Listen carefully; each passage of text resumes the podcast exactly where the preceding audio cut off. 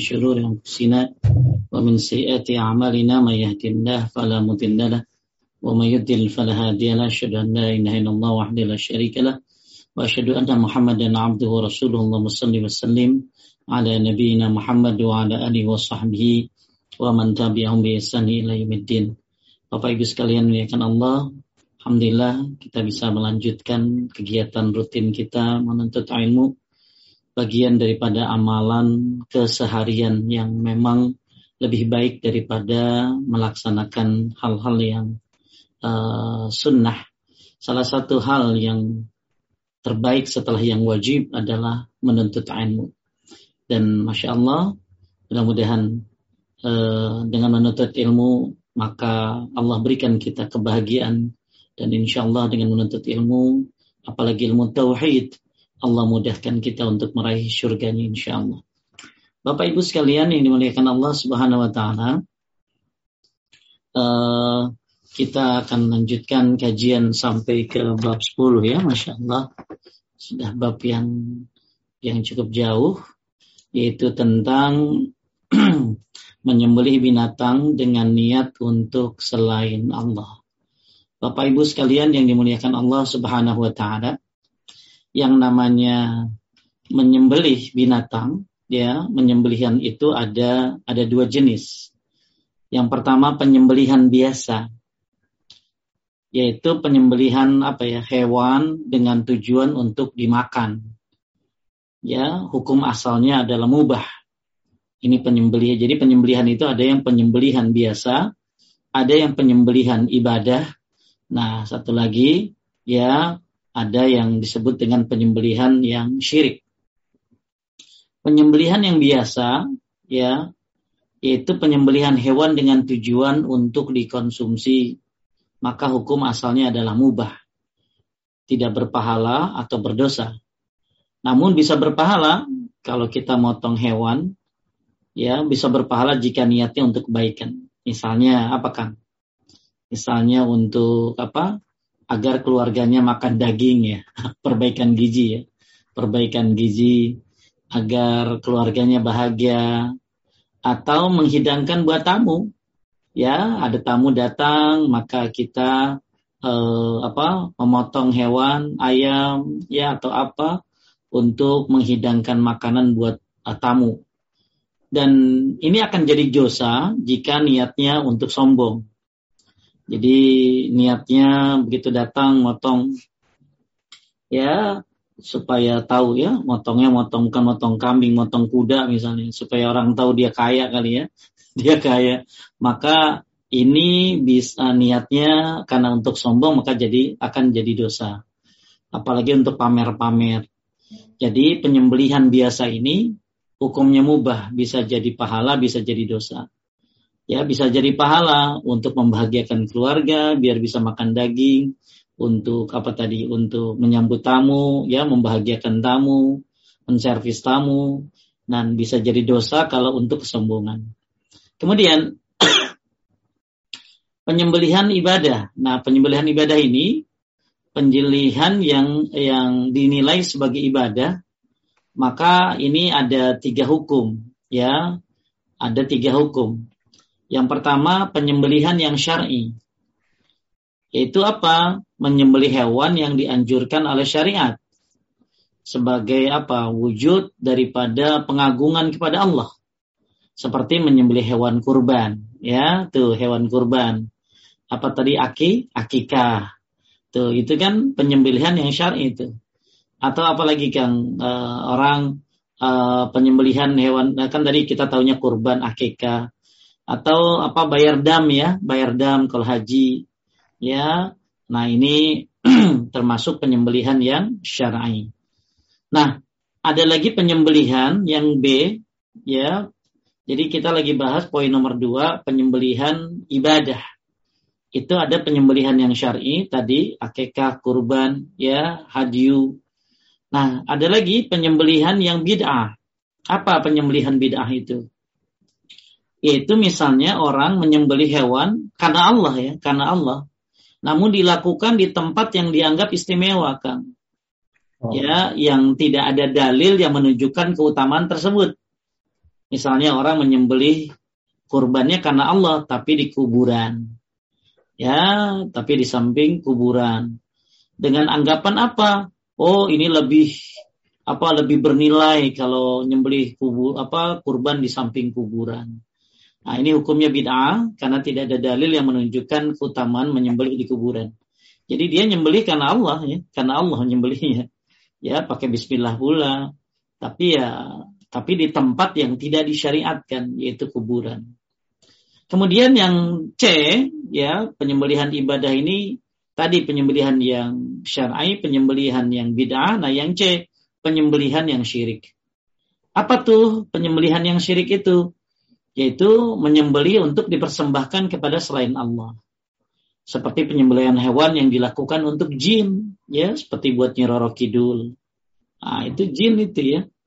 Uh, untuk uh, apa jin uh, untuk penyembelihan untuk uh, apa berhala penyembelihan untuk uh, apa uh, pokoknya kebanyakan sih di Indonesia mah ya penyembelihan-penyembelihan gitu tuh karena karena biasanya buat jin biasanya. Ya, misalnya mau apa Kang? Mau bangun jembatan ya? Ya. Bangun jembatan supaya jembatannya kokoh, maka harus ada penyembelihan uh, di jembatan itu uh, diserah disombok di, uh, apa buat siapa? Nah, ini buat Ki Anu Ki Anu Ki Anu. Nah, ini ini termasuk penyembelihan yang syirik ya, penyembelihan yang syirik dan tujuannya apa? Tujuannya penyembelihan itu pasti ada dia kan. Supaya merasa diaman gitu kan ya. Supaya jembatannya nggak roboh. Ya, supaya apa uh, lautnya tenang. Ah, ini kalau buka di internet banyak banget kan. Banyak banget ya. Uh, saya sempat ngumpulin itu ada teman saya ngumpulin model-model uh, apa uh, penyembelihan yang syirik, masya Allah ya. Mereka yang yang nyembelih itu kan yang yang kayaknya katanya pakai peci haji gitu. Ya, pakai peci haji tapi nggak belajar tauhid. Ya, katanya penyembelihannya syirik ya, tapi mereka yang yang apa yang melakukannya ini orang-orang Islam. Nah, inilah uh, kebodohan betapa butuhnya umat ini terhadap tauhid. Ya, jadi penyembelihan syirik ini biasanya kalau di Indonesia ini biasanya untuk untuk banyak untuk jin ya, untuk penunggu gunung, untuk penunggu laut yang tujuannya mereka melakukan itu supaya terhindar dari bahaya. Sedangkan kita meminta meminta perlindungan ya, minta manfaat ya hanya kepada Allah Subhanahu wa taala. Baik penyembelihan yang C ini disebut dengan penyembelihan inilah yang disebut dengan penyembelihan syirik ya penyembelihan ini juga dilakukan untuk mendekatkan diri kepada selain Allah itu dan untuk mendapatkan manfaat agar terhindar dari bahaya. Jadi total-total saya ulangi kita lagi mau bahas tentang menyembelih binatang untuk dengan niat selain Allah. Sebelum kita mulai ke kitab ini, saya kasih prolog dulu bahwa penyembelihan itu ada dua jenis penyembelihan biasa, penyembelihan ibadah. Penyembelihan biasa bisa jadi ibadah kalau misalnya untuk melayani tamu, ya, untuk uh, keluarga biar makan daging, ini bernilai ibadah, pahala. Tapi bisa menjadi dosa kalau berniat sombong. Nah, penyembelihan ibadah adalah penyembelihan yang syar'i seperti kurban, uh, Idul Adha ya, kemudian akikah, atau bayar apa bayar haji ya atau bayar dam kemudian penyembelihan yang bid'ah dia menyembelihnya karena Allah kelas untuk Allah tapi di tempat yang tidak disyariatkan seperti kuburan ya. Maka ini penyembelihan yang bid'ah ya. Nah lebih lebih salah lagi kalau penyembelihan bid'ah ini di kuburan di, diperuntukkan untuk uh, penghuni kubur agar menolongnya. Nah ini jadi syirik jadinya. Nah yang kita cek penyembelihan syirik itu penyembelihan kepada selain Allah dengan tujuan terhindar dari bahaya e, biasanya banyak dilakukan untuk penyembelihan ini untuk jin ya untuk jin dan lain sebagainya. Baik, saya akan share screen pembahasan kita pada hari ini e, kitabnya.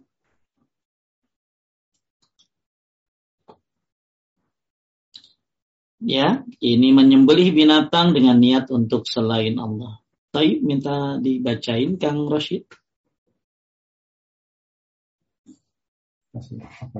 Menyembelih binatang untuk selain Allah adalah syirik. Karena dalil-dalil dalam Al-Quran dan As-Sunnah jelas sekali terkandung perintah untuk menyembelih binatang untuk Allah Azza wa Jalla uh, saja dan harus diikhlaskan karena mengharapkan wajahnya.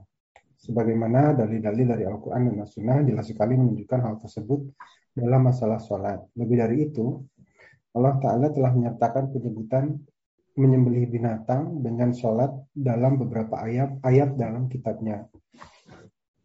Menyembelih binatang kurban karena Allah Subhanahu wa taala itu termasuk ibadah yang paling mulia dan ketaatan terbesar.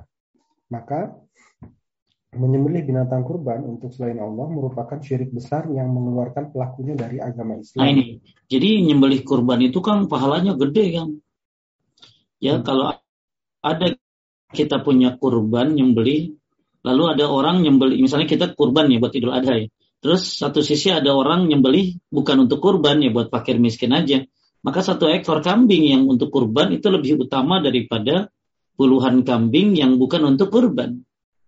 Ya, jadi ibadah kurban ini saking pentingnya Kang, digandingkan dengan sholat loh. Ya, fasalli li rabbika wanhar. Inna a'tainakal kautsar Wasalli li rabbika wanhar. Tuh. Ya Allah gandengkan kalimat sholat dengan kurban. Jadi mudah-mudahan ya kita ketemu lagi sama Idul Kurban ya. Kita ketemu lagi sama Idul Adha. Kita bisa berkurban lagi. Jadi menyembelih kurban ini ibadah yang mulia. Ibadah yang ketaatan yang yang besar. Sampai-sampai digandengkan dengan apa tadi? Sholat. Ya, sebagaimana firman Allah nanti kita akan bahas inna salati wa nusuki. Ya, nusuk itu ya banyak diterjemahkan nusuk itu kan ya salatku dan ibadahku ya. Ya, jadi kalau sebenarnya nusuk itu artinya sembelihan kan. Inna salati wa nusuki wa mahyaya wa mamati lillahi rabbil alamin. Jadi Bapak Ibu sekalian yang muliakan Allah, berbahagialah Bapak Ibu yang suka Idul Adha menyembelih kurban. Ya, karena itu amalan ibadah yang mulia, ketaatan yang besar, maka ketika ibadah eh, saking besarnya disegandingkan dengan sholat. Nah, ketika ibadah yang besar itu ternyata dipalingkan untuk selain Allah, maka ini bukan syirik kecil, kan? Ini merupakan syirik besar. Ini merupakan syirik besar yang mengeluarkan pelakunya dari agama Islam. Ibadah besar ya ternyata dipalingkan untuk selain Allah. Maka hukumannya jadi syirik besar nih. Lanjutkan, termasuk eh, termasuk dalam hal ini apa yang telah dilakukan oleh orang-orang bodoh di Mekah, yaitu mereka menyembelih binatang untuk jin. Dahulu jika membeli atau membangun rumah, dan menggali sumur, mereka menyembelih binatang karena takut diganggu jin. Uh, ya. Jadi ternyata bukan di Indonesia aja kan. Ya, di Mekah. di Mekah. Ya, dia orang-orang bodoh di Mekah dulu ya. Mereka itu termasuk takut sama jin. Ya, makanya eh, zaman dulu sampai ada orang-orang yang menyembah jin. Ya, dan jin itu akan menambah buat mereka kesesatan. Dan oleh karena itu eh, orang-orang uh, yang dilakukan orang sekarang ya kesyirikan itu ya sebenarnya hanya kelanjutan aja dari yang dilakukan oleh orang-orang terdahulu. Makanya efek daripada kesyirikan ini panjang banget ya kan. Panjang banget. Gak tahu apa kayak long life. jadi jadi kayak apa ya jadi kayak jadi jadi panjang banget efeknya gitu. Makanya kenapa kita belajar tauhid terus tauhid terus tauhid terus tauhid lagi tauhid lagi tauhid lagi? Karena eh, apa sebuah eh, kita pernah bahas dulu. Dari zaman Nabi Adam sampai Nabi Nuh itu ya 10 abad tidak ada kesyirikan. Kemudian berubah jadi syirik. Ketika meninggalnya Wad Yagus Ya'uq Suwa Nasr lima orang soleh yang meninggal. Kemudian setan menyuruh mereka untuk membuat patung-patung mereka. Tujuannya adalah supaya supaya memorial gitu ya. Jadi setan tuh sabar banget kan. Setan tuh sabar gitu ya. Sabar godain manusia. Jadi setan tuh begitu tuh orang soleh mati nggak disuruh ngapain. Nggak disuruh nyembah dulu. Disuruh bikin memorial aja. Ya kenang-kenangan. Lama-lama yang bikin patung mati. Lama-lama kebodohan muncul. Akhirnya patung itu ya jadi disembah itu. Ya, maka dan efeknya, masya Allah, ya penyembahan kepada orang-orang soleh ini terus ya terus bergulir. Ya, nah ini munculnya dari sikap berlebih-lebihan kepada orang soleh. Nah, termasuk apa yang terjadi di Makkah dulu, menyembelih binatang untuk jin. Ini bagian-bagian cabangnya. Jadi kesyirikan itu ada berapa cabang, cabang-cabang masing-masing beribu-ribu cabang. Nah, salah satunya adalah menyembelih binatang untuk jin. Dan ternyata ini sudah ada sejak dahulu. Seperti apa? Mereka membeli atau membangun rumah untuk menggali sumur. Mereka menyembelih binatang karena takut diganggu oleh jin. Nah, ini kebiasaan kebiasaan orang-orang bodoh di zaman dulu di kota Mekah. Ya, Baik. Nah, kita masuk kepada apa? Kepada hadis yang pertama kita masuk kepada hadis yang pertama, uh, ayat yang pertama, maaf ya. Ayat yang pertama surat Al-An'am ayat 162 sampai 163. Allah taala berfirman, "Kul inna inna salati wa nusuki wa mahyaya wa mamati lillahi rabbil alamin la syarika lahu wa bidzalika umirtu wa ana awwalul muslimin. Katakanlah wahai Muhammad sallallahu alaihi wasallam sesungguhnya salatku, sesungguhnya salatku, sembelihanku, hidupku. Jadi nusuk ini artinya apa Kang? Sembelihan ya. Nusuk ini artinya sembelihan. Cuman kalau di terjemahan selalu artinya apa Kang? Salatku ibadahku. Ya, ya salatku ibadahku. Padahal sebenarnya nusuk ini, ya nusuk ini, kata Imam Abu Bakar Ibnul Arabi Al-Maliki rahimahullah mengatakan yang disebut dengan nusuk, ya menyembelih itu disebut dengan nusuk. Kenapa? Sebab statusnya ialah ibadah dan hanya boleh dilakukan karena Allah dan tidak boleh menyembelih untuk selain Allah. Ini dalam kitab Ahkamul Quran ya tafsir uh, Ibnu Arabi Al-Maliki. E, makanya nusuk ini artinya sebenarnya adalah apa tadi? Menyem, menyembelih. Cuma kebanyakan di kita nusuk artinya jadi sholatku, ibadahku. Taib. Kita lanjutkan. Katakanlah wahai Muhammad Sallallahu Alaihi Wasallam, sungguhnya sholatku, sembelihanku, hidupku, matiku hanya untuk Allah, Rabb semesta seluruh alam. Tidak ada sekutu baginya, la syarikalah. Dan demikian yang diperintahkan kepadaku dan aku adalah orang yang pertama-tama berserah diri.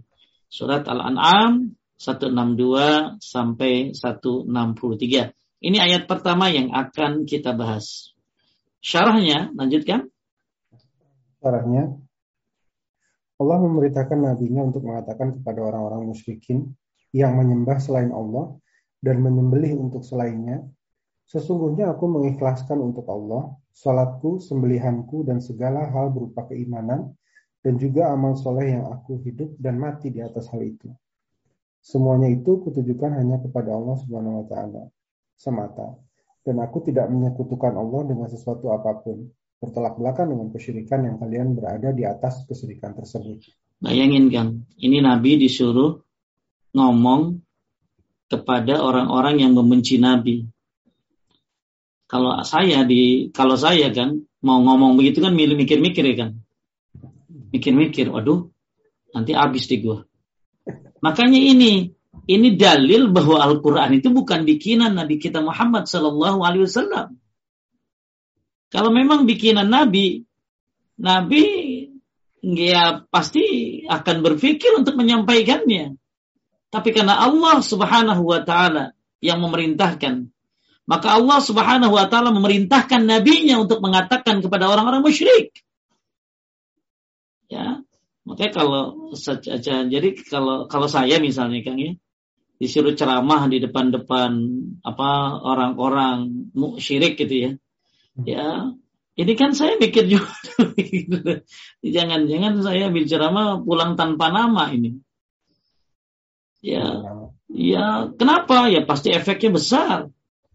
Makanya uh, ketika kita berdakwah kemudian ternyata ini kalau disampaikan akan berbahaya kita tunda penjelasannya. Tapi karena Allah yang nyuruh, nggak bisa pakai perasaan Nabi Muhammad Sallallahu Alaihi Wasallam. Maka Allah yang menyuruh kepada Nabi Sallallahu Alaihi Wasallam, Qul inna salati. Katakanlah Muhammad Sallallahu Alaihi Wasallam kepada orang-orang musyrik, sesungguhnya salatku, sembelihanku, hidupku dan matiku hanya untuk Allah. Maka karena Allah yang nyuruh ya Nabi Muhammad jalan. Nah inilah bahwa Al-Quran bukan bikinan Nabi Muhammad SAW. Tapi Allah yang yang memerintahkannya itu adalah kalamullah. Nah jadi uh, Nabi SAW disuruh untuk mengatakan kepada orang-orang musyrik, ya untuk mengikhlaskan sembelihannya untuk Allah. Ya, salatku, sembelihanku dan semuanya amal saleh, hidup mati di atas itu semuanya untuk Allah Subhanahu wa taala. Nah, uh, Imam Abu Bakar Ibn Arabi tadi menyebutkan bahwa nusuk ya, nusuk banyak diartikan tadi kan saya bilang nusuk banyak diartikan ibadah. Tapi sebenarnya nusuk adalah uh, apa? menyembelih ya, menyembelih. Kemudian uh, ada juga uh, pendapat dari Allama Abdul Abdullah bin Humaid rahimahullah mengatakan ayat di atas maksudnya surat uh, Al-An'am ayat 162 sampai 63 secara jelas menunjukkan bahwa menyembelih hanya boleh dipersembahkan kepada Allah. Dan sholat juga hanya untuk Allah.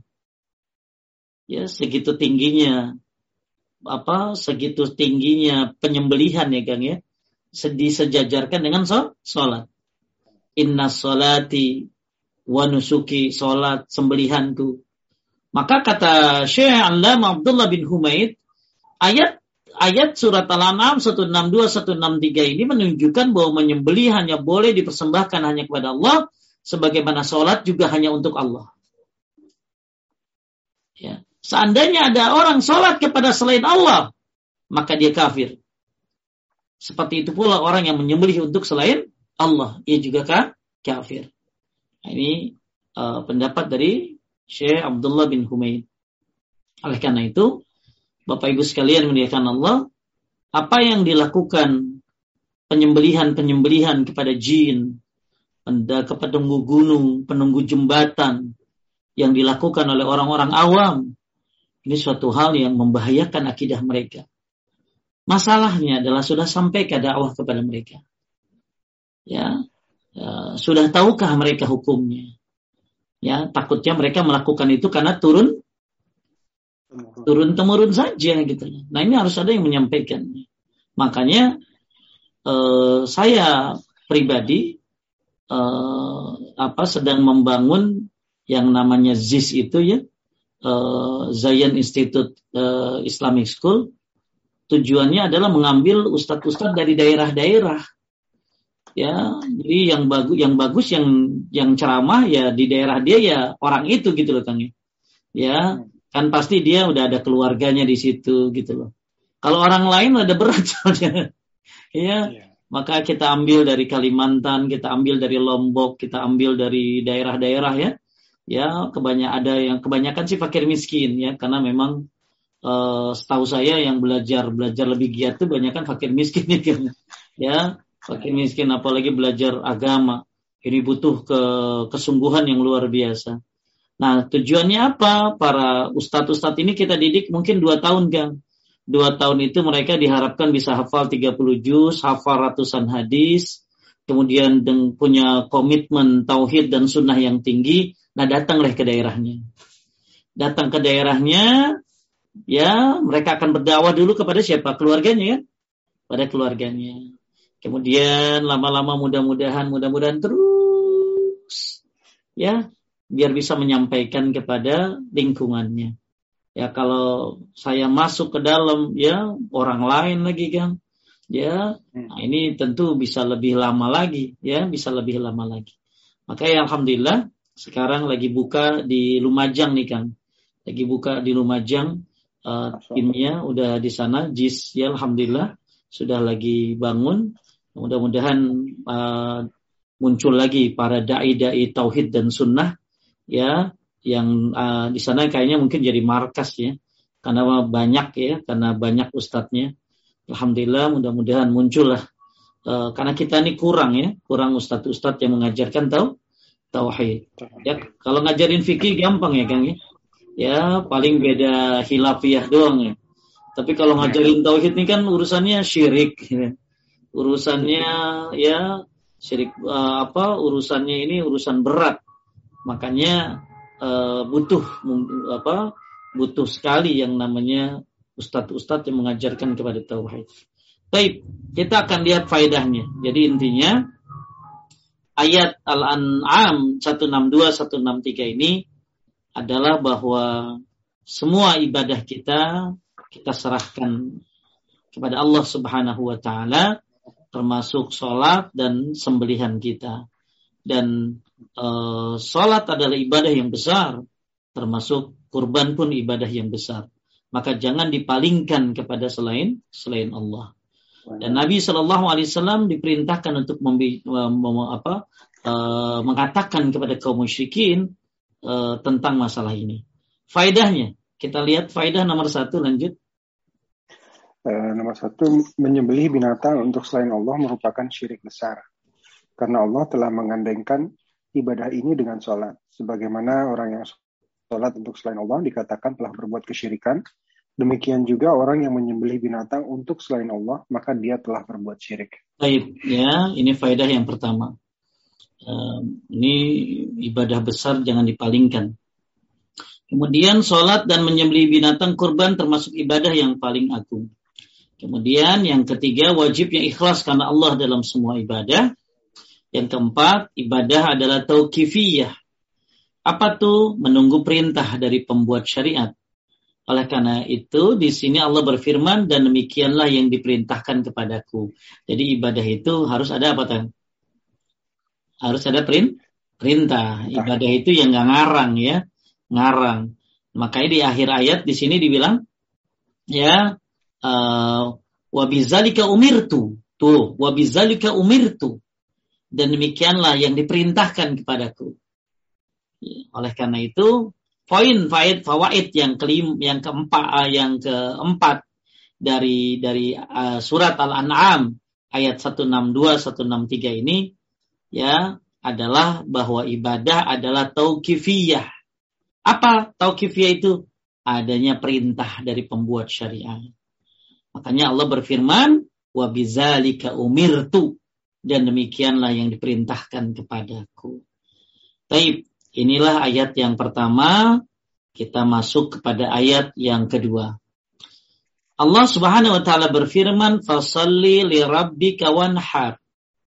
Maka laksanakanlah salat karena Rabbmu dan berkurbanlah. Di sini Allah menggandengkan lagi apa? Kalimat salat dengan kur kurban. Maka laksanakanlah salat karena Rabbmu dan berkurbanlah. Syarahnya, lanjutkan. Allah memerintahkan kepada nabinya untuk ikhlas kepada Allah di dalam sholat dan dalam berkurban, yang menyelisih kaum musyrikin yang menyembah kepada selain Allah dan menyembelih untuk berhala. Baik, ya. Jadi eh, ayat ini Allah Subhanahu Wa Taala merintahkan kembali lagi sama kayak tadi di awal bahwa ikhlas kepada Allah di dalam ibadah khususnya dalam sholat dan kurban. Makanya kan uh, salah satu pesan dari seorang syekh, saya lupa ya syekhnya siapa. Salah satu pesan dalam setelah berkurban apa Kang? Kata beliau. Jangan suka menceritakan harga. Oh. Menceritakan harga kurban. Dan kadang-kadang suka ngumpul cerita-cerita berat tuh kan. ya, beli berapa loh? Wah, gue beli 4 juta. Wah, mahal amat gue doang, cuma dua setengah. Wah, itu jadi kepikiran gitu.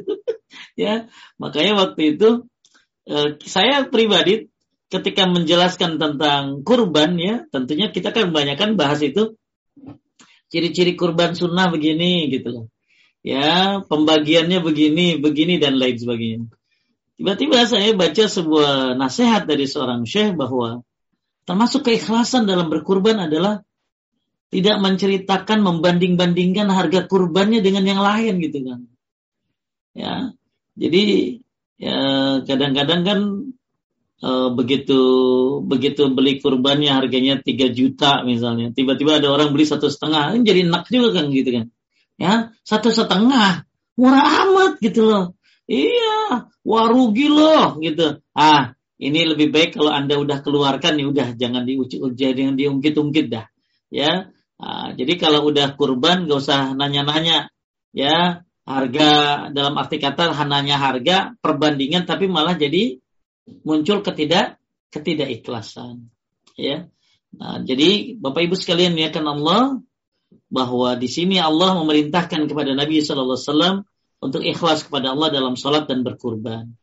Kenapa? Karena kaum musyrikin ya mereka sholatnya untuk ya mereka tawaf ya mereka tawaf ya untuk selain Allah. Mereka menyembah kepada selain Allah dan menyembelih untuk selain Allah. Maka kita maka kita disuruh berbeda. Disuruh kita fasalli dan laksanakan sholat li rabbika karena Rabbmu wanhar dan berkurbanlah. Ya, maksudnya sebagai ibadah mendekatkan diri kepada Allah. Kenapa? Karena membedakan orang-orang musyrikin yang kurbannya bukan untuk Allah, yang juga e, menyembahnya bukan untuk Allah. Kemudian kita lihat faedahnya. Satu, menyembelih binatang kurban untuk selain Allah Subhanahu wa taala adalah syirik besar. Karena menyembelih binatang kurban adalah ibadah. Sedangkan mempersembahkan ibadah kepada selain Allah adalah syirik besar. Yang kedua, ibadah sholat dan menyembelih kurban termasuk ibadah yang agung. Kemudian yang ketiga, sholat dan menyembelih kurban termasuk ibadah yang paling utama bagi hamba dalam menampakkan rasa syukur kepadanya. Karena huruf fa, ya, maka pada ayat di atas menunjukkan sebab. Jadi mengerjakan hal tersebut merupakan sebab untuk bersyukur atas apa yang Allah berikan kepada berupa telaga Al-Kausar. Jadi gini kan, surat Al-Kausar ini kan dimulai dengan apa? Inna a'tainakal kausar. Al-Kausar ini kan artinya banyak. Al-Kausar ini artinya tuh ada 15 kalau nggak salah. Ya, ada 15 arti Al-Kausar. Cuman yang tenar itu tiga. Satu, maksudnya Al-Kausar ini ya telaga nanti di surga. Dua, Al-Kausar ini adalah uh, sungai yang nanti di padang mahsyar kita akan uh, anak sungai yang nanti uh, akan kita minum bareng-bareng airnya bersama Nabi Shallallahu Alaihi Wasallam. Ya, yang ketiga Al Kausar ini kata Ibnu Abbas adalah nikmat yang banyak. Inna a'tayna kal kausar. Kami telah memberikan kepadamu nikmat yang banyak. Ya apa nikmat yang banyak? Ya nikmat yang banyak kayak tadi. Makanya Ibnu Abbas menafsirkan Al-Kautsar adalah nikmat yang banyak. Maka Bapak Ibu, kalau Bapak Ibu lihat di terjemahan-terjemahan kita, Al-Kautsar itu kebanyakan artinya nikmat yang banyak. Ya, kenapa? Karena telaga ya di di padang mahsyar ya al-haud itu juga nikmat ya kemudian al-kausar di surga itu juga nikmat Bahkan ada yang menafsirkan al uh, uh, apa Al-Kausar ini adalah Al-Qur'an. Ada yang menafsirkan Al-Kausar itu adalah Islam dan lain sebagainya. Kurang lebih ada berapa tadi ada 15 penafsiran. Makanya Ibnu Abbas uh, mengartikan Al-Kausar ini adalah nikmat yang banyak. Nah, karena kita sudah dapat nikmat yang banyak dari Allah, inna a'tainakal kausar. Ya, sungguhnya kami telah memberikanmu nikmat yang banyak. Apa nikmat yang banyak itu? Yang tadi itu 15 itu.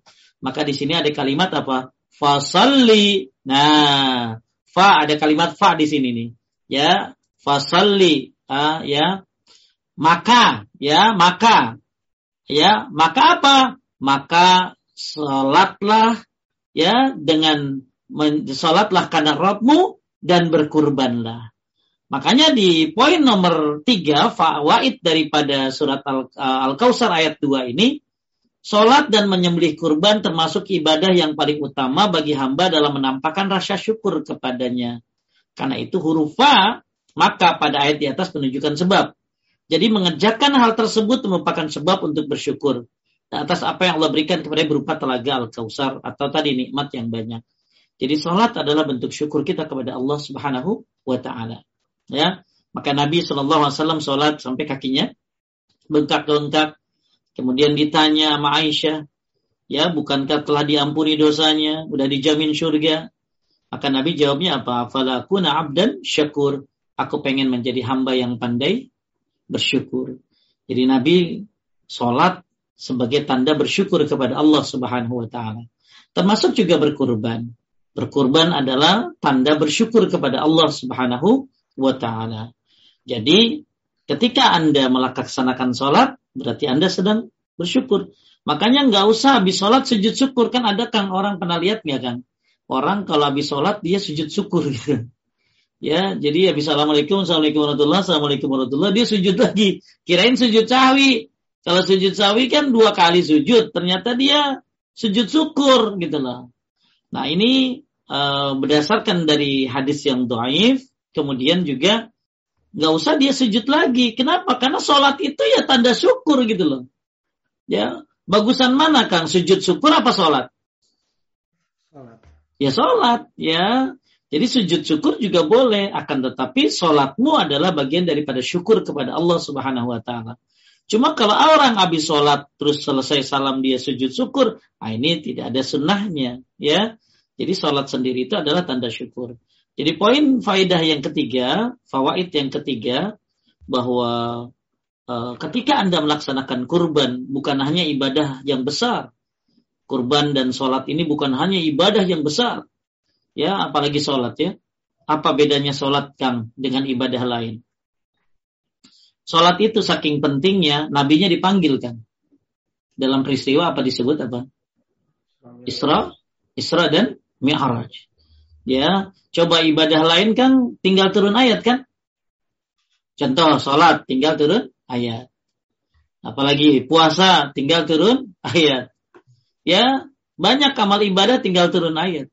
Oh, sholat luar biasa. Saking pentingnya, nabinya dipanggil yang disebut dengan peristiwa Isra dan Mi'raj. Jadi sholat adalah ibadah yang besar, ibadah yang utama. Bahkan Nabi Shallallahu Alaihi Wasallam mengatakan, "Khairu amalikum as-salah." Sebaik-baik sholat, sebaik-baik amal adalah sholat. Sebaik-baik amal adalah sholat. Ya, makanya kalau kita uh, kalau kita ada waktu dari maghrib ke isya ya uh, ya bagus sholat ya sholat sunnah mutlak ya sampai isya datang. Karena memang sholat adalah sebaik-baik amal. Karena di dalam sholat ada baca Quran ada zikir ya dan lain sebagainya. Dan sholat ya nggak kayak ibadah lain. Apa? Karena ibu sholat ini kan ada waktunya kan? Ya nggak bisa orang sholat sembarangan waktunya, nggak kayak zikir, nggak kayak baca Quran. Ya, just kalau baca Quran orang bisa ngadep mana aja kan. Tapi kalau sholat harus ngadep mana? Kiblat. Maka banyak kehususan-kehususan dalam sholat.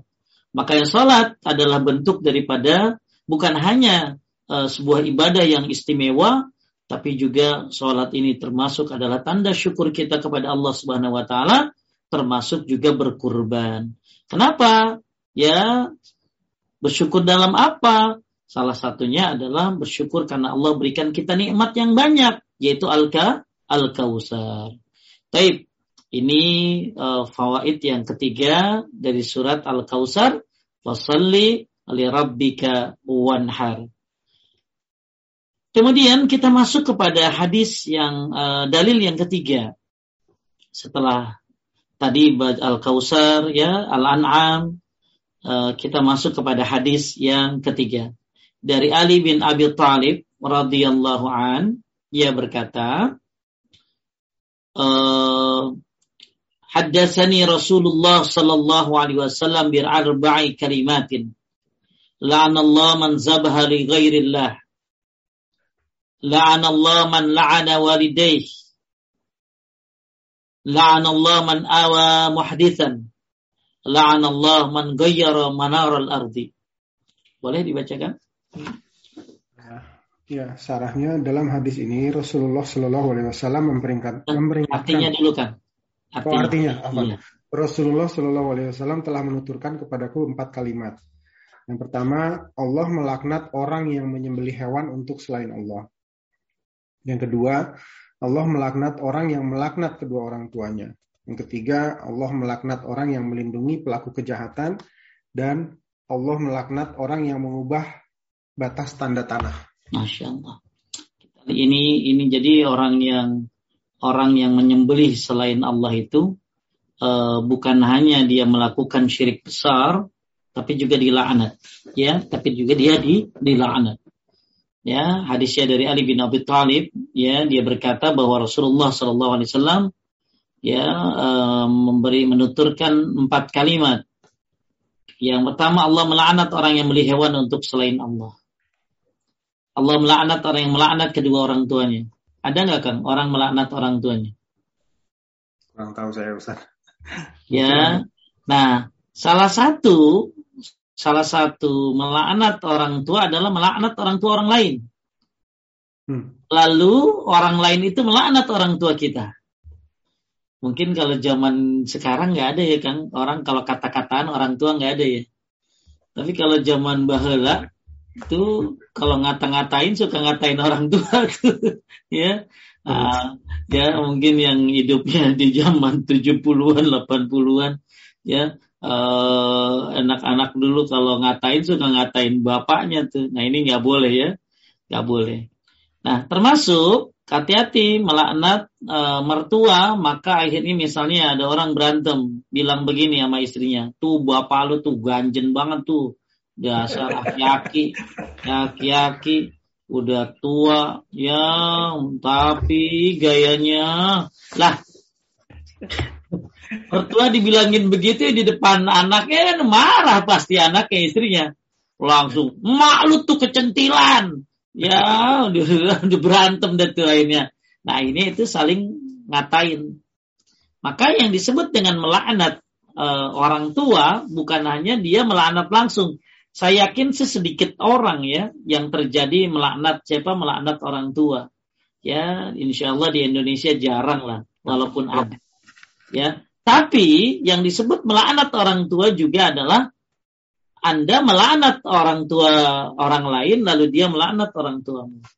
Anda melaknat orang tua istri, ya mengata-ngatain maka istri pun ngata-ngatain. Ya nggak ada yang mau lah orang tuanya dikata-katain.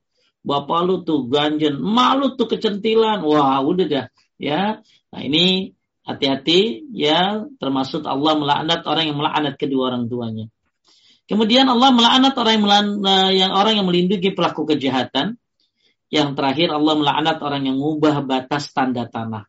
Wah ini berat ini. Ya, ini semua hal-hal yang sangat berat.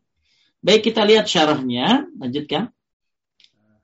Dalam hadis ini Rasulullah Shallallahu Alaihi Wasallam memperingatkan umatnya terhadap empat kejahatan. Beliau pun mengabarkan bahwa Allah Taala mengusir serta menjauhkan pelaku salah satu. Suaranya agak kecil kan? Kecil ya? Iya. Uh, Sebentar, Ustaz, saya akan dulu. Ya, perkara tersebut dari rahmat Allah. Berikut penjelasan empat perkara yang dimaksud. Eh, Satu. Ya, yang pertama, ber, bertakarub atau berusaha mendekatkan diri dengan menyembelih binatang untuk selain Allah. Karena hal tersebut berarti memalingkan ibadah kepada selain Allah, kepada sesuatu yang tidak berhak mendapatkan peribadatan. Baik. Jadi uh, hadis yang tadi kita baca ini uh, adalah peringatannya buat umatnya terhadap empat kejahatan. Nabi ini sayang banget sama kita ya. Nabi ini sayang banget sama kita. Sampai-sampai hal-hal yang bersifat jangankan hal-hal yang bersifat berat begini kan ya. Ya, bersifat syirik ya yang berat-berat. Hal-hal yang bersifat kehidupan saja Nabi itu perhatian banget. Contohnya adalah uh, di apa anjuran untuk mematikan api kan kalau mau tidur. Ya, anjuran untuk mematikan api ketika mau mau tidur. Maka kalau lampu nggak apa-apa ya, selama uh, lampu nggak sama kayak api. Nabi itu sampai peduli seperti itu. Kenapa? Karena api itu ya disebutkan dalam riwayat adalah musuh. Maksudnya apa? Ya, api itu bisa membakar dan membunuh. Maka Nabi nyuruh kalau orang mau tidur zaman dulu itu karena pakai api, ya disuruh untuk dimatikan karena bisa tersenggol oleh binatang, tikus khususnya sehingga akhirnya terjadi kebakaran. Sampai segitu tuh Nabi sayangnya sama kita. Ya, kasih sayang Nabi sama kita tuh Masya Allah luar biasa. Ya, jangankan masalah-masalah yang bersifat besar kayak begini nih. Masalah apa ya? Masalah kesyirikan, masalah menyembelih untuk selain selain Allah ya dalam masalah-masalah kecil aja Nabi Shallallahu Alaihi Wasallam luar biasa dalam dalam apa kasih sayangnya kepada kepada kepada umatnya makanya maka kita kita kita sebagai umatnya ini harus balas budi sama beliau. Ya bagaimana balas budinya Pak Ustadz? Ya nggak usah nggak usah susah-susah ya. Balas budinya dengan mencintai beliau menjalankan sunnah sunnah beliau ya. Kemudian membela ya sunnahnya mengajarkan sunnahnya meyakini perkataannya mendahulukan ya mendahulukan apa sabdanya. Jadi e, luar biasanya Nabi Shallallahu Alaihi Wasallam itu sayangnya sama kita. Nah makanya Nabi salah satu sayangnya ini ngasih tahu jangan sampai umatnya dilaknat oleh Allah. Ya, jadi kembali lagi tadi saya terangkan, ya jangankan dalam masalah-masalah api neraka, ya yang yang naudzubillah, dalam masalah api dunia aja Nabi nggak mau tuh umatnya celaka, maka Nabi bilang apa? Ya, inna hazihin nar innama hiya adun lakum. Fa nimtum, ya, apa api adalah musuh bagi kalian kata Nabi. Jika kalian hendak tidur, ya uh, disuruh ngapain? Fa'atfiruha alaik an, an, an, ankum maka padamlah api itu dari dari kalian. Ini bagaimana Nabi sayang supaya jangan sampai uh, apa jangan sampai terjadi kebakaran. Ya maka Nabi nyuruh kita jangan biarkan api di rumah kalian menyala tatkala kalian sedang tidur. Maksudnya yaitu tadi apa api lampu gitu kenapa? Ya karena uh, rumah ya karena sesungguhnya kata Nabi ya uh, tikus-tikus uh, itu bisa menyebabkan rumah terbakar menimpa penghuninya. Nah, ini Nabi sangat sayang kepada umatnya dalam masalah-masalah yang kecil-kecil dalam kehidupan, apalagi masalah yang besar kayak begini nih. Masalah apa tadi? Masalah kesyirikan. Ya kenapa? Karena ada sebuah rumah di Madinah dulu terbakar mengenai penghuninya waktu malam. Akhirnya kejadian tersebut lantas diceritakan kepada Nabi Shallallahu Alaihi Wasallam.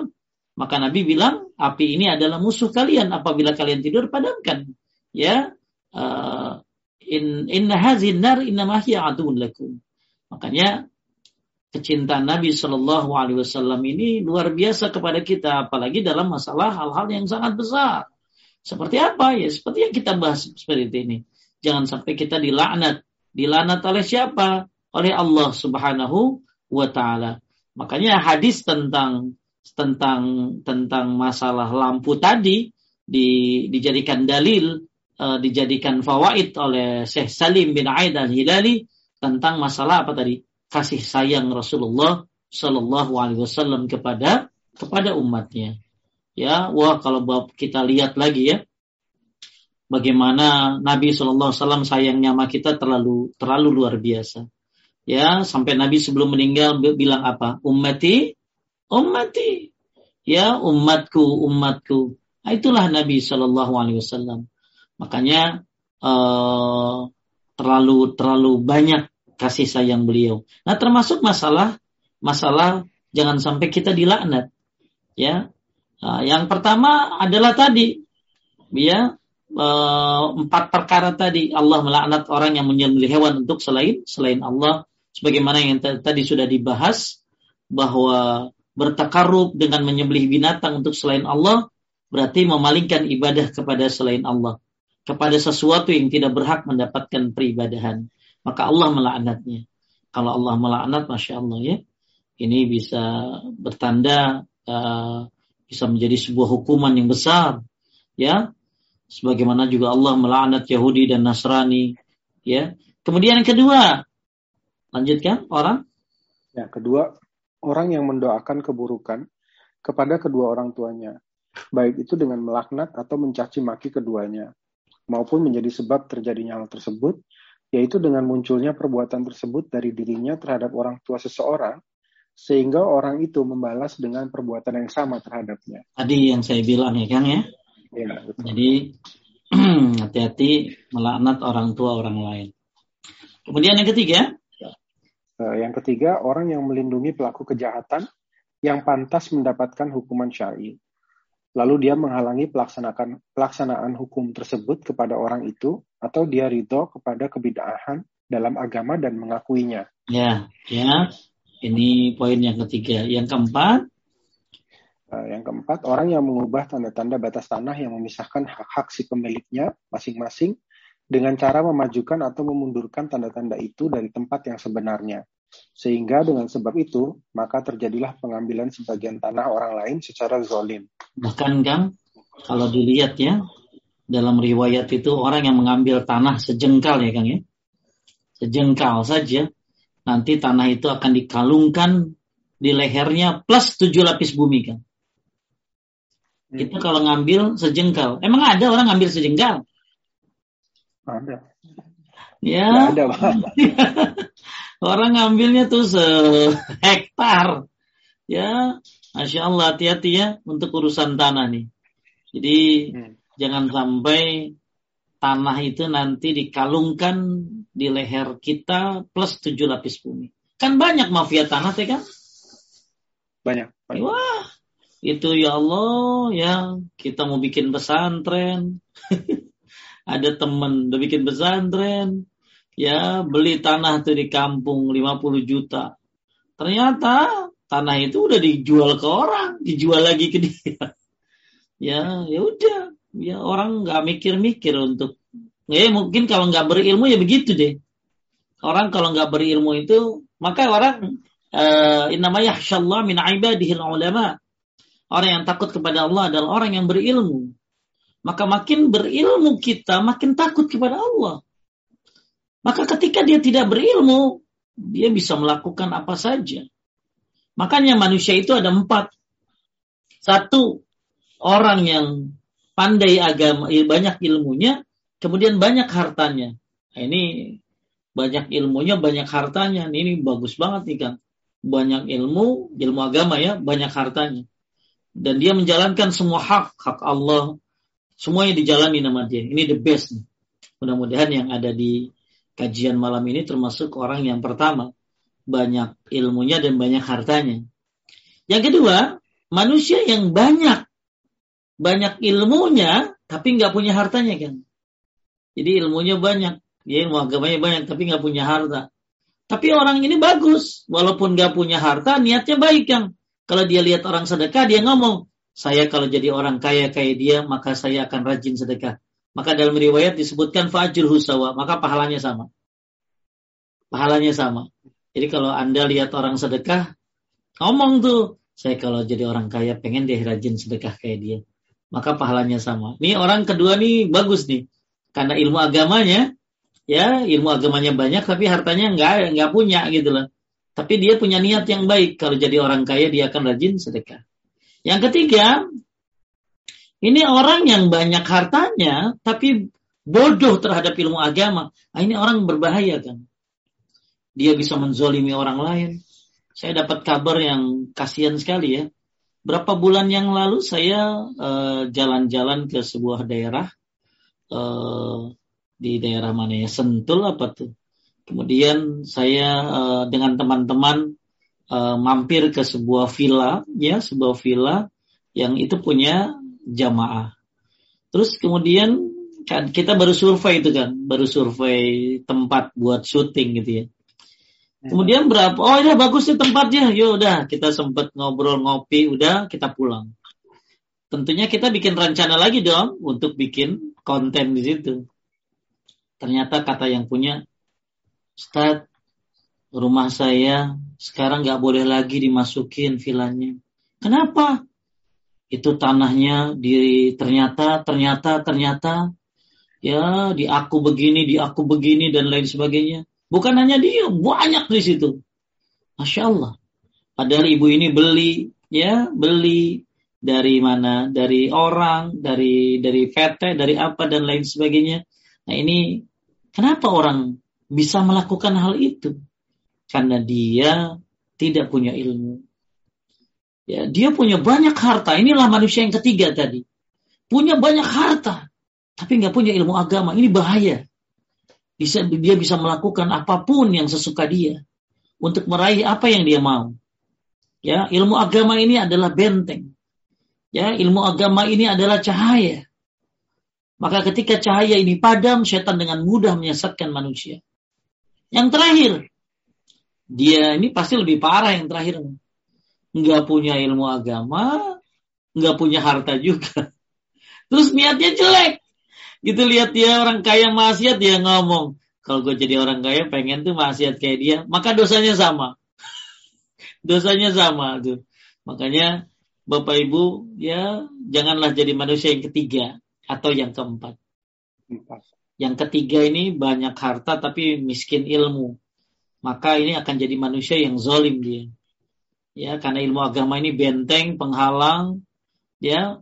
Maka ketika dia tahu hadis-hadis tentang apa tadi? Tentang orang yang mengubah tanda batas tanah. Tahu hadis-hadis tentang masalah Siapa yang mengambil tanah sejengkal akan dikalungkan dengan tujuh lapis bumi nanti pada hari kiamat. Ya, maka dia akan nggak berani masalah tanah ini dia akan hati-hati banget. Dan dan ternyata masya Allah banyak sekali orang-orang yang ditipu dalam masalah tanah ini. Ini uh, kenapa ya? Karena nggak punya ilmu dia. Sampai saya pernah dulu ngurusin orang. Itu mah sampai tiga turunan Kang dari kakeknya dari bap, eh, bapaknya dari anaknya. Kagak beres-beres tuh masalah tanah. Padahal tanah dia diambil. Sampai tiga turunan. Kagak beres-beres ya padahal itu tanah dia kemudian diambil orang karena orangnya orang kaya orang besar dia nggak bisa apa-apa. La haula wala quwata illa billah. Ternyata apa yang disampaikan Nabi benar banget. Manusia ketiga ini adalah manusia yang bodoh terhadap ilmu agama. Makanya makin ber, maka tanda ilmu manfaat adalah makin banyak ilmu agamamu, makin kamu takut kepada Allah Subhanahu wa taala. Ya, makin kamu belajar tauhid, makin kamu akan akan takut kepada Allah Subhanahu wa taala melakukan kesyirikan. Ya. Baik. Uh, nah, kita lanjut yang ini tiga empat ya empat ya empat yang dilaknat ya saya simpulkan satu orang yang melaknat orang tuanya ya hati-hati kemudian uh, orang yang apa yang yang apa berkurban untuk selain Allah yang pertama ya kedua orang yang melaknat orang tuanya yang ketiga orang yang melindungi pelaku kejahatan kemudian orang yang mengubah tanda batas tanah. Faidah. Faidah. Nomor satu lanjutkan. Ya yang pertama nomor satu. Eh, menyembelih binatang kurban untuk selain Allah hukumnya adalah haram dengan tingkat keharamannya yang sangat keras. Demikian menurut pandangan syariat Islam, baik yang disembelih itu unta, sapi, atau ayam dan hewan lainnya. Ya taib, ya ini keharaman yang sangat keras, ya dilaknat dan lain-lain. Hati-hati ya. Terus nomor dua? Eh, yang kedua, menyembelih binatang untuk selain Allah adalah syirik dan dosa besar yang paling besar. Nah, yang ketiga, menyembelih kurban adalah ibadah, oleh karena itu ia wajib dipersembahkan hanya kepada Allah semata. Yang keempat, haramnya melaknat atau mencaci maki kedua orang tua, baik secara langsung maupun karena menjadi sebab dilaknatnya kedua orang tua oleh orang lain. Maksudnya adalah dia melaknat kedua orang tua orang lain, kemudian karena perbuatannya itu orang lain tadi balas melaknat kedua orang tuanya. Yang kelima, haramnya menolong maupun melindungi para pelaku kejahatan. Yang keenam, haramnya meridhoi atau setuju dengan kebinahan apa pun bentuknya. Jadi maksudnya ini yang, yang tadi kan ya, kalau orang eh, apa dia suka dengan kemaksiatan, maka dia termasuk daripada meridhoi dan dia dosa itu kan. Ya, termasuk yang manusia keempat tadi kan ya. Udah dia ya. nggak ya. punya harta, nggak punya ilmu, niatnya jelek gitu. Ya, jadi haram meridhoi atau setuju dengan kebidahan apa pun bentuknya. Maka eh, ketika kita tidak bisa menghilangkan sebuah kemungkaran, maka kita harus membencinya. Ya, jangan sampai kita menyukainya. Berarti kita termasuk meridoinya kayak begitu. Tujuh. Uh, yang ketujuh, haramnya mengubah patok tanah dengan tujuan untuk mengambil hak atau tanah orang lain. Yang kedelapan, bolehnya bolehnya melaknat orang-orang fasik secara umum tanpa menentukan individu tertentu agar mereka jerah dari kemaksiatan. Baik, ini hadis yang terakhir kan. Ya, hmm. hadis yang terakhir dari bab ini yaitu bab 10. Ya, dari Tariq bin Syihab radhiyallahu an Rasulullah sallallahu alaihi wasallam bersabda, ada seorang masuk surga karena seekor lalat dan ada seorang yang masuk neraka pun karena seekor lalat. Ya. Nah, ini unik nih cerita ini, ya. Gara-gara lalat dia masuk neraka, gara-gara lalat dia masuk masuk surga. Ini cerita yang bagus, permisalan bahwa sekecil apa pun perbuatan syirik ya walaupun cuman cuman nyem apa ngasih sembelihan sembahan seekor lalat gitu ya. Seekor lalat ini bisa menyebabkan seseorang uh, masuk ke dalam neraka. Tapi kita lihat uh, hadisnya. uh, kemudian para sahabat berta kemudian bertanya bagaimana hal tersebut terjadi wahai Rasulullah Sallallahu Alaihi Wasallam. Beliau menjawab, ada dua orang yang berjalan melewati suatu kaum yang mempunyai berhala. Tidak boleh seorang pun melewati berhala itu sebelum dipersembahkan kepadanya suatu kurban. Jadi nggak boleh lewat sini kalau nggak nyerahin persembahan. Ya. Ketika itu berkatalah mereka kepada salah seorang dari kedua orang itu, persembahkanlah kurban kepadanya. Dia menjawab, aku tidak memiliki sesuatu yang dapat kupersembahkan kepadanya. Ya, jadi gini kan, harusnya dia kan ngomong begini dong harusnya. Nggak boleh. Itu haram. Harusnya kan gitu kan jadi ternyata dia ngomongnya makanya ada ulama yang menyebutkan bahwa orang ini nggak terpaksa kan orang ini nggak terpaksa. Orang ini sebenarnya kalau memang nggak boleh lewat situ ya dia cari jalan lain kan harusnya kan. Jadi ceritanya dia pengen lewat sebuah daerah yang kalau masuk situ ya harus memberikan sesembah persembahan ya. Uh, kemudian orang itu kan nanya ya nanya aku tidak memiliki sesuatu yang dapat kupersembahkan kepadanya. Nah kalimat ini jadi perdebatan nih gang. Jadi ini orang sebenarnya terpaksa apa enggak gitu loh. Kalau memang kalau memang dia nggak mau dia ngomong begini pasti kang itu haram. Itu haram memberikan apa memberikan sepersembahan persembahan buat selain Allah tapi dia malah bilang begini, aku nggak punya sesuatu gitu ya. Nggak, coba bisa bedain nggak? Ya, jadi kalau memang dia menolak, harusnya dia ngomong apa? Aku tidak akan pernah memberikan apa tadi? Memberikan sesembahan, uh, memberikan persembahan untuk selain Allah. Aku tidak akan mau. Tapi orang ini malah ngomong, aku nggak punya sesuatu. Ya berarti kan eh, kayak kayak apa ya? Kayak kayak uh, kayak kayak ridho kayak begitu loh. Aku tidak memiliki sesuatu yang dapat kupersembahkan kepadanya. Jadi harusnya ngomongnya bukan begitu. Ya. Jadi ulama tuh ada yang bilang bahwa ini orang nggak terpaksa. Ini orang sebenarnya nggak terpaksa gitu loh. Jadi ke, uh, jadi kalau memang terpa ini dia ya pilih jalan lain. Kenapa dia tetap di situ? Dan dia ngomong saya nggak punya apa-apa. Terus uh, mereka pun berkata lagi persembahkan walaupun hanya seekor lalat. Lalu orang itu mempersembahkan seekor lalat dan mereka pun memperkenankan untuk meneruskan perjalanannya. Maka dia masuk neraka karenanya. Kenapa Kang tadi dia? Karena dia karena dia satu nggak terpaksa. Kemudian dia dia dia kenapa dia ngomongnya nggak saya nggak mau gitu loh. Tapi dia malah bilangnya saya nggak punya apa-apa gitu loh. Kemudian ya Kemudian berkatalah mereka kepada seorang yang satunya. Persembahlah kurban kepadanya. Ah, ini dia lalu menjawab, aku tidak patut mempersembahkan suatu kurban pun kepada selain Allah. Kemudian mereka memenggal lehernya karena karenanya orang ini masuk masuk surga. Jadi yang yang diambil di sini, masya Allah, sekecil apa pun orang eh, dalam mempersembahkan sesuatu untuk selain Allah, ini bisa berefek neraka. Walaupun cuma seekor lalat. Nah, apalagi ayam kan gede kan? Ya. Ini ayam buat nyerorok kidul. Wih, ya ini ayam, eh, ini kambing, ya ini sapi buat jin penunggu. Eh, ini gede. Jadi jangankan sapi, ya lalat aja bisa dipersembahkan untuk selain Allah. Ya, dalam keadaan dia ridho ya, dalam keadaan dia ridho. Lain lagi kalau terpaksa ya Kang ya. Kalau dia takut dibunuh, kalau dia takut nanti ya, nah ini bisa jadi lain lagi. Tapi kalau tapi kalau eh, apa dalam keadaan dia ridho ya, maka ini menjadi hal yang menyebabkan masuk neraka walaupun cuma persembahan itu seekor lalat. Baik kita lihat uh, syarahnya. Ya. Uh, ini hampir sama apa yang saya dibilang ya. Kita lihat langsung faedahnya. Lanjutkan satu. Ya, eh, yang satu, eh, satu bahaya syirik waktu walau dalam perkara yang dianggap sepele oleh manusia. Itu penting ya, yang Bapak Ibu ya.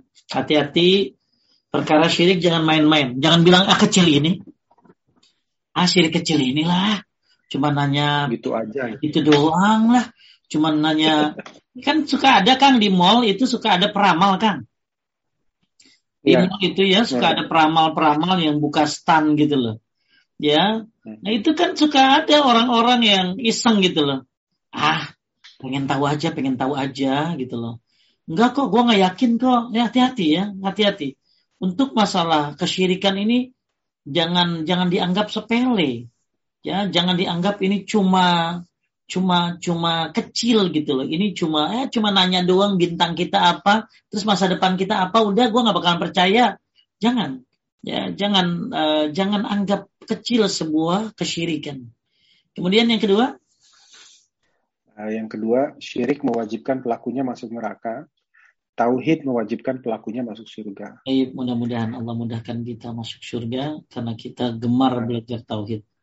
Uh, saya waktu itu kan ada ibu-ibu uh, meninggal dunia. Dia kena COVID kalau nggak salah. Eh kena COVID atau kenapa sih lupa lah ya. Terus uh, bapaknya itu saya mau ceramah suaminya. Kan biasanya kalau ceramah orang meninggal apa kan biasanya? Kayak dulu Kang Rasid kan uh, ceramah apa bagaimana supaya sabar ya keluarga ya kan ya. ya. Sabar keluarga atau amalan apa yang bermanfaat buat mayit. Tapi permintaan Bapak ini unik. Nanti tolong Pak Ustadz ceramahi kami tentang tauhid ya. tauhid? Lah kan Bapak lagi kena musibah. Kenapa orang lagi kena musibah? Saya suruh ceramahnya tauhid. Bukan saya ceramah gimana keutamaan sabar, bagaimana amal yang bermanfaat buat mayit gitu loh. Ternyata Bapak itu bilang, eh, eh maaf bukan bapaknya ya, teman-temannya itu bilang, ya teman-teman istrinya Bapak itu bilang, karena istrinya itu suka kajian tauhid Pak Ustadz. Jadi istri si bapak itu suka kajian tauhid gitu. Maka begitu meninggal, ya ngundang apa ceramah di online gitu ya. Uh, apa takziah tapi suruh saya ceramah tentang tauhid gitu. Kenapa? Karena kesukaan istrinya itu belajar tauhid, masya Allah. Luar biasa loh. Orang cinta belajar tauhid itu ajib tuh kan. Banyak kan tuh kajian-kajian yang rame tuh kan kajian sholat tuh rame. Saya 250 biasanya. Ya 250-an. Tuh apalagi pusat yang rame kajian. Tematik itu rame banget. Itu bisa 350 bisa 400 tuh. Apalagi ya bisa ribuan itu. Kalau kajian kematian itu lebih rame lagi. kajian kematian, azab kubur, ya bangkit dari kubur, maksudnya tentang akhirat, oh, itu bisa bisa bisa ribuan itu.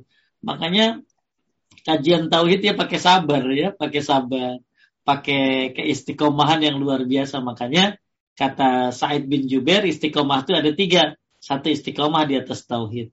Makanya nggak bakalan istiqomah kalau nggak di charge terus ya, nggak di charge terus, maka kita terus makanya uh, mudah-mudahan ya kita nggak ngelihat jumlah ya Kang ya kita nggak ngelihat jumlah mau berat tapi ini udah bagus ya banyak ya ratusan cuman masya Allah kalau kajian tematik itu luar biasa itu Apalagi kajian ya, ya. keuangan, Kang. Bagaimana mengatur keuangan dalam rumah tangga? Itu bisa 2000 kali. Ya, ya, uh, ya. Tapi kajian tauhid ini kajian yang memang butuh kesabaran, butuh apa ya? Uh, padahal ini paling penting, paling penting dalam kehidupan. Jadi kembali lagi tauhid mewajibkan pelakunya masuk surga. Mudah-mudahan dengan belajar tauhid tiap sebulan dua kali, Bahkan ada lagi kajian-kajian tauhid saya yang tempat lainnya atau ditambah dengan kajian tauhidnya Ustadz Firanda, Ustadz Syafiq, Masya Allah. Mudah-mudahan mewajibkan pelakunya masuk ke dalam surga insya Allah. Lanjut, nomor tiga kan? Nomor tiga, seseorang bisa saja terjatuh ke dalam perbuatan syirik, akan tetapi ia tidak tahu bahwa hal tersebut syirik yang mewajibkan masuk neraka. Baik, uh, sorry, sorry, sorry. Terakhir ya. Maaf. Nah, ini. Ya, uh, saya ada, ada contoh apa Ustaz? Ya? Yang nomor satu itu tadi bahaya sirik walaupun kecil. Hmm. Itu saya ada contohnya Ustaz. Apa tuh? Ada ada teman uh, yang coba-coba main kartu tarot Ustaz. Oh, masya Allah. Dia bilang ah, ini kan kartu oh. aja ini nggak ada. Tapi sampai sekarang belum keluar dari dari lingkaran itu tuh Ustaz. Oh tuh, ya. ya awalnya kecil, lama-lama suka, lama-lama tertarik. Ya, makanya ada ibu-ibu, ya Ustaz, uh, mobilnya hilang kan? Mobilnya hilang. Kan orang mobil hilang lapor polisi kuduna gitu. Dia bilang mas saya, Ustaz boleh nggak saya ke dukun itu yang katanya jago tuh nemuin mobil hilang? sekali aja tat sekali aja tat. Ya nggak boleh bu mau sekali juga gitu loh. Sekali jadi jadi minta legal gitu loh. Sekali aja tat gitu loh. Nggak boleh bu. Ya sekali ini doang gitu loh. Ya. Nah akhirnya begitu dia kayaknya diam-diam datangin akhirnya bawa hasil apa kan ya nggak ada hasil. Udah dosa nggak ada hasil mobilnya nggak ketemu ya orang mah kalau mobil hilang lapor polisi gitu loh ya jadi sabar selanjutnya. Nah ini hati-hati. Kesyirikan ini bisa jadi awalnya kecil. Makanya waktu itu ada ada orang kan, ada seorang syekh, ada seorang syekh datang ke majlis talim dalam keadaan muka yang uh, dalam keadaan mengajar ke, datang ke majlis talim. Kemudian itu ini murid-muridnya udah belajar tauhid lima tahun kan? Kita belum lima tahun kan ya? Belum lima tahun ya, baru dua tahunan. Ini udah ngaji tauhid lima tahun kan. Itu murid-muridnya pada bosan. Pada bosan. Syekh, kenapa nggak ganti tafsir, Syekh? Kali-kali dia tafsir gitu loh. Jangan tauhid mulu gitu loh. Jadi muridnya ini usul gitu supaya kajiannya jangan tauhid mulu gitu loh. Akhirnya Syekh bilang apa? Saya akan pertimbangkan. Kemudian besoknya Syekh masuk ke dalam majlis ta'lim dengan wajah yang murung, wajah yang sedih otomatis murid tanya dong, ya, oh ibu kan apalagi ibu ya, saya batuk aja. Ustaz batuk wae konaon gitu. ya perhatian ya, ya, ya. Nah sekarang kalau saya nangis kan pasti pada nanya gitu ya. nah, uh, syekhnya ini nangis, ya, murung pokoknya mukanya. Lalu ditanya, kenapa syekh? Iya, saya sedih karena ada tetangga baru pindah rumah karena takut digoda oleh jin, dia taruh kepala kambing di depan pintu rumahnya. Dia menyembelih uh, untuk selain Allah uh, karena takut sama jin, palanya kambing itu ditaruh di pintu rumahnya. Apa kata anaknya? Apa kata murid-muridnya Pak Ustaz? Uh, uh, Kang Rashid? Oh itu syirik sih, itu syirik sih, itu syirik sih, itu syirik. Ya kita kasih tahu nanti. Akhirnya Oke, nanti saya mau cari tahu lagi gitu lah. Besoknya Syekh datang ke majlis talim dengan wajah ceria kan. Lah muridnya kan nanya, kenapa ceria? Iya, Syekh kenapa seneng banget? Iya, berita yang kemarin tuh nggak benar. Jadi yang benar gimana Syekh? Ternyata berita yang kemarin itu adalah anak memperkosa ibunya. Anak memperkosa ibunya. Saya sambil senyum-senyum. Kalau kemarin kan sedih ngomongnya. Sekarang dia senyum. Ya, anak memperkosa ibunya.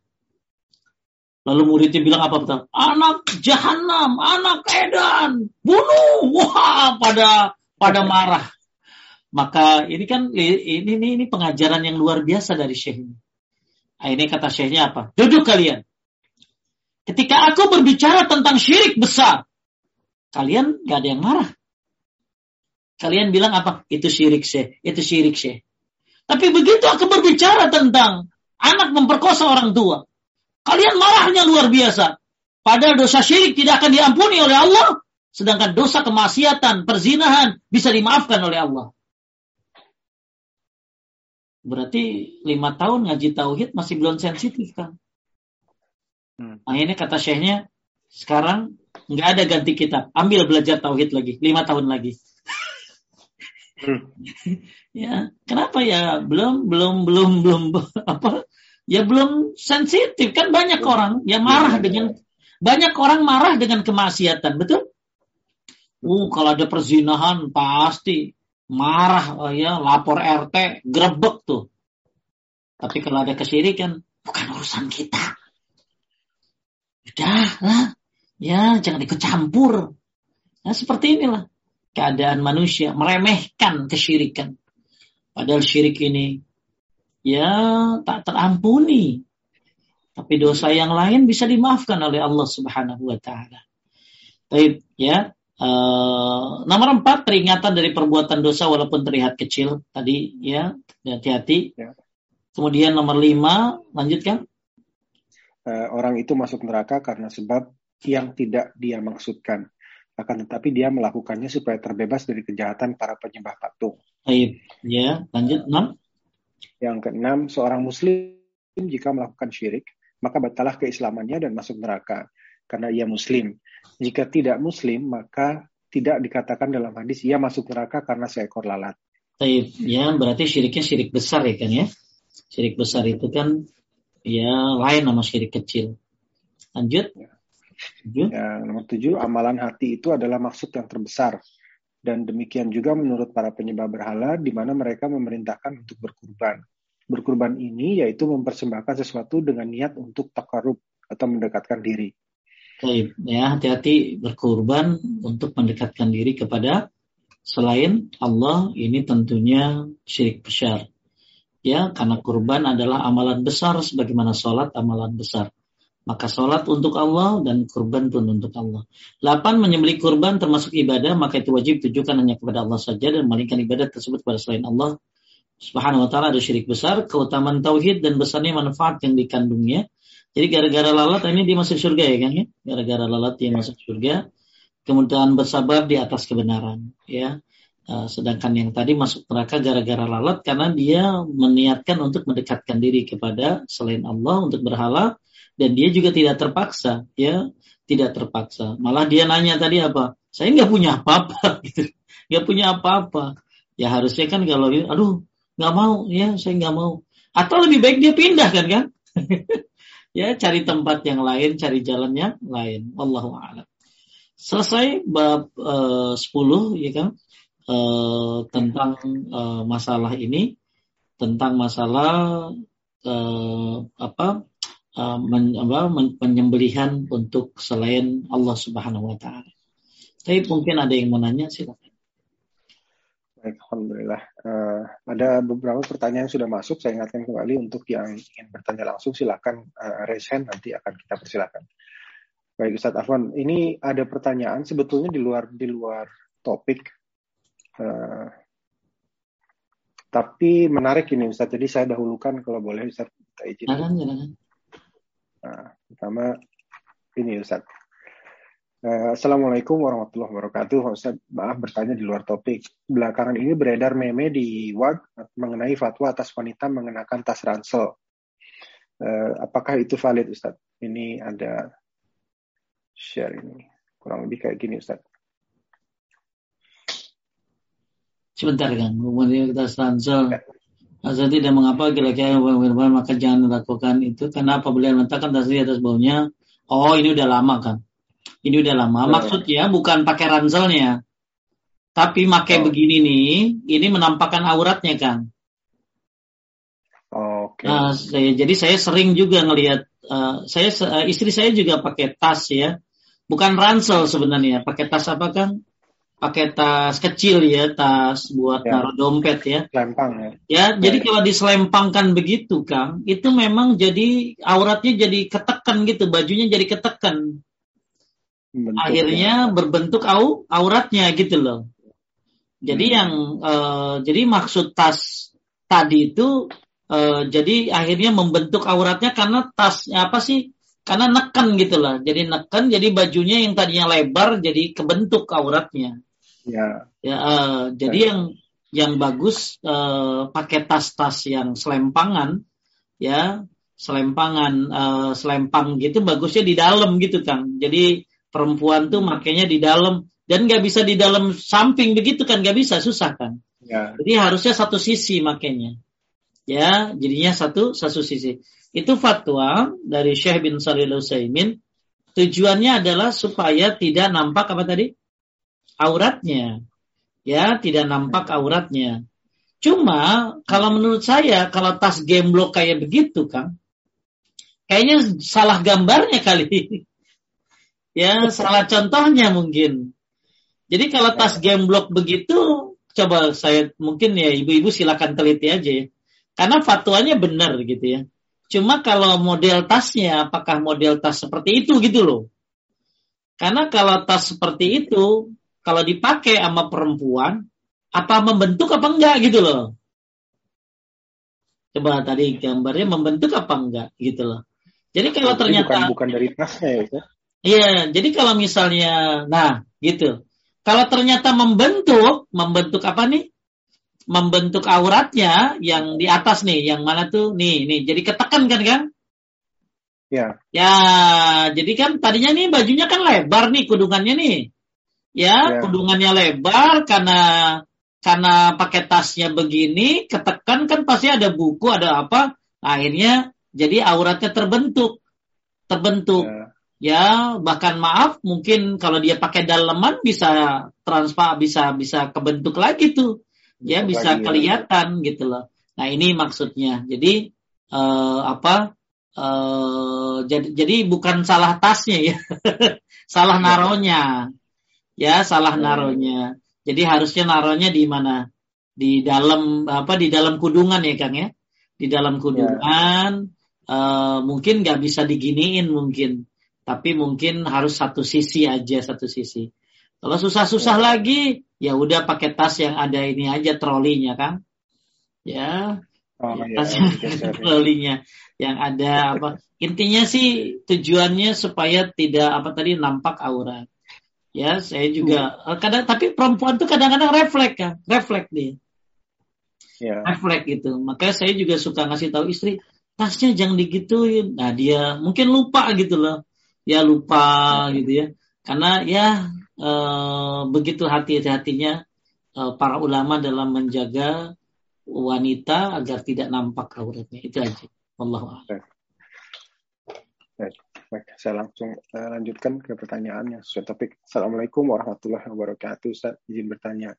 Bagaimana dengan kaum Yahudi yang makanannya sama dengan kaum Muslim yang tidak mengkonsumsi babi dan dikenal dengan sebutan kosher? Bolehkah Muslim memakan makanan yang ada label kosher tersebut?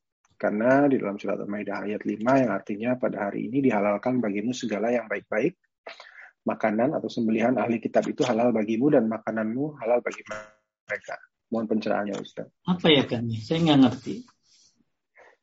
Kalau di sini orang Yahudi memang persyaratan untuk memotongnya itu cukup ketat Ustaz dan memang eh, apa jadi tidak makan babi juga dan dijual juga kalau menurut orang apa ijma ulama di Inggris ini yang kosher itu boleh dimakan gitu. Kosher itu apa sih? Halal itu istilah istilahnya bahasa Yahudinya tuh Ustaz. Kosher oh. kalau di kita halal kalau halal, bahasa Arabnya. Tapi, tapi kurang lebih punya arti yang sama di, diperbolehkan oleh keyakinan mereka gitu kurang lebih. Hmm. Ya intinya makanan yang yang diharamkan kan ada ya. Ya, makanan yang diharamkan ada, makanan yang dihalalkan juga ada.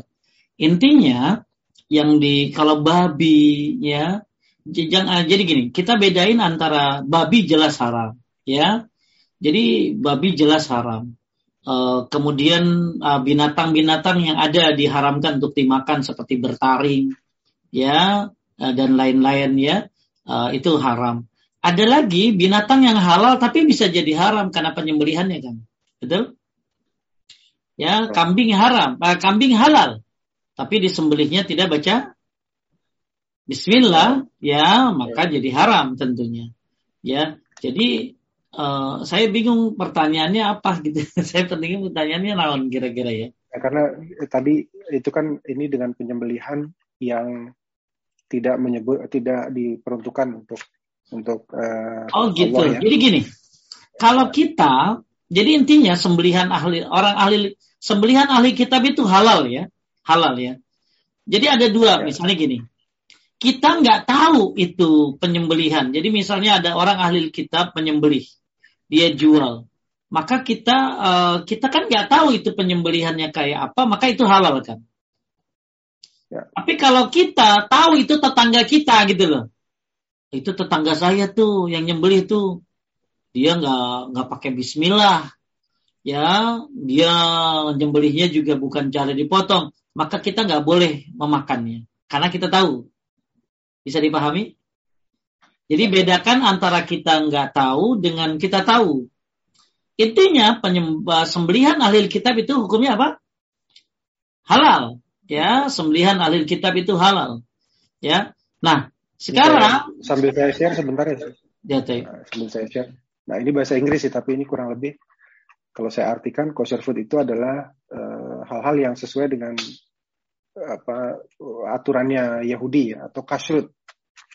Ini asal katanya kasrut.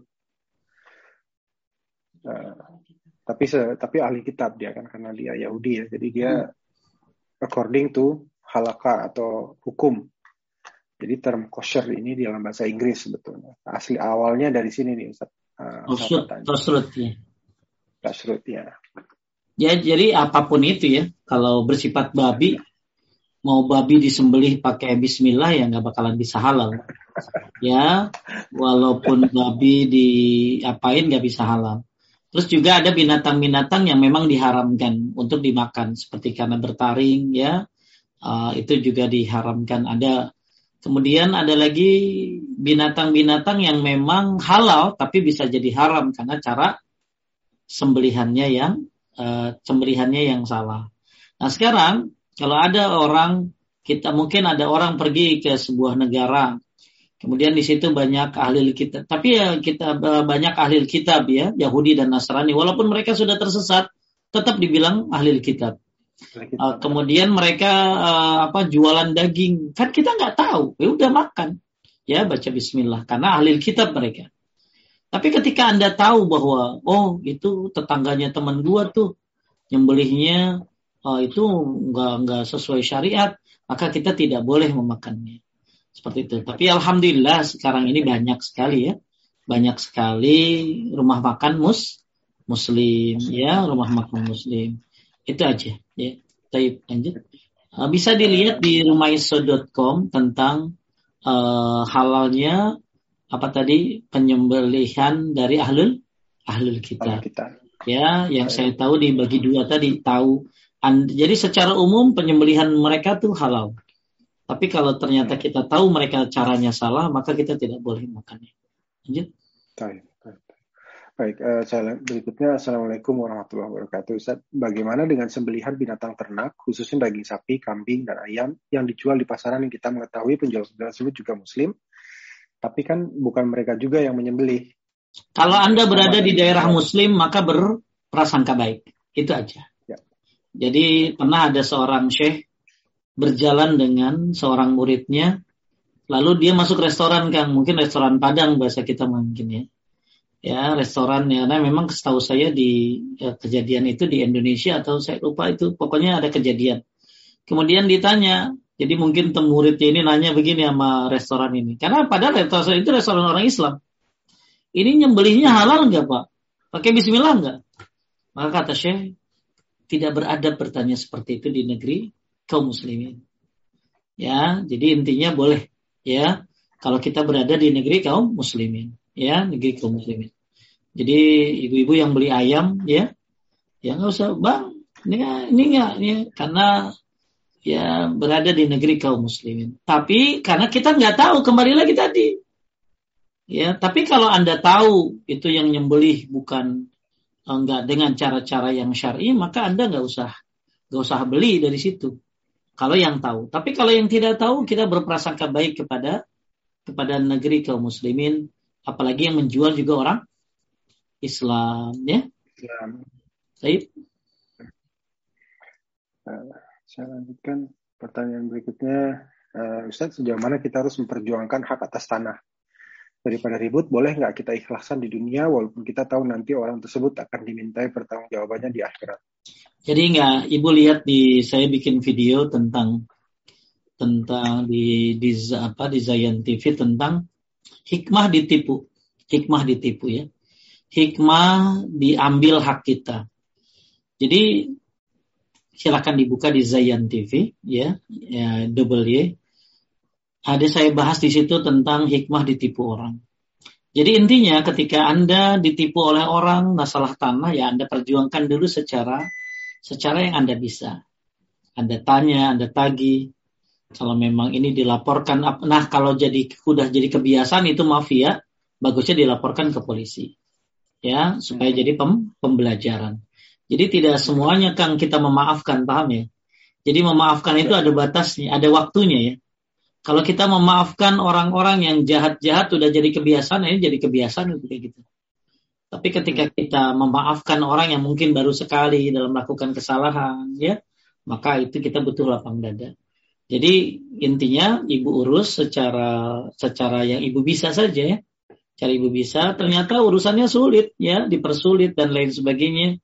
Karena mungkin juga kurang dari dari segi kekuatan data-data, ya sudah ya sampaikan kepada dia kita ketemu aja di akhirat nanti.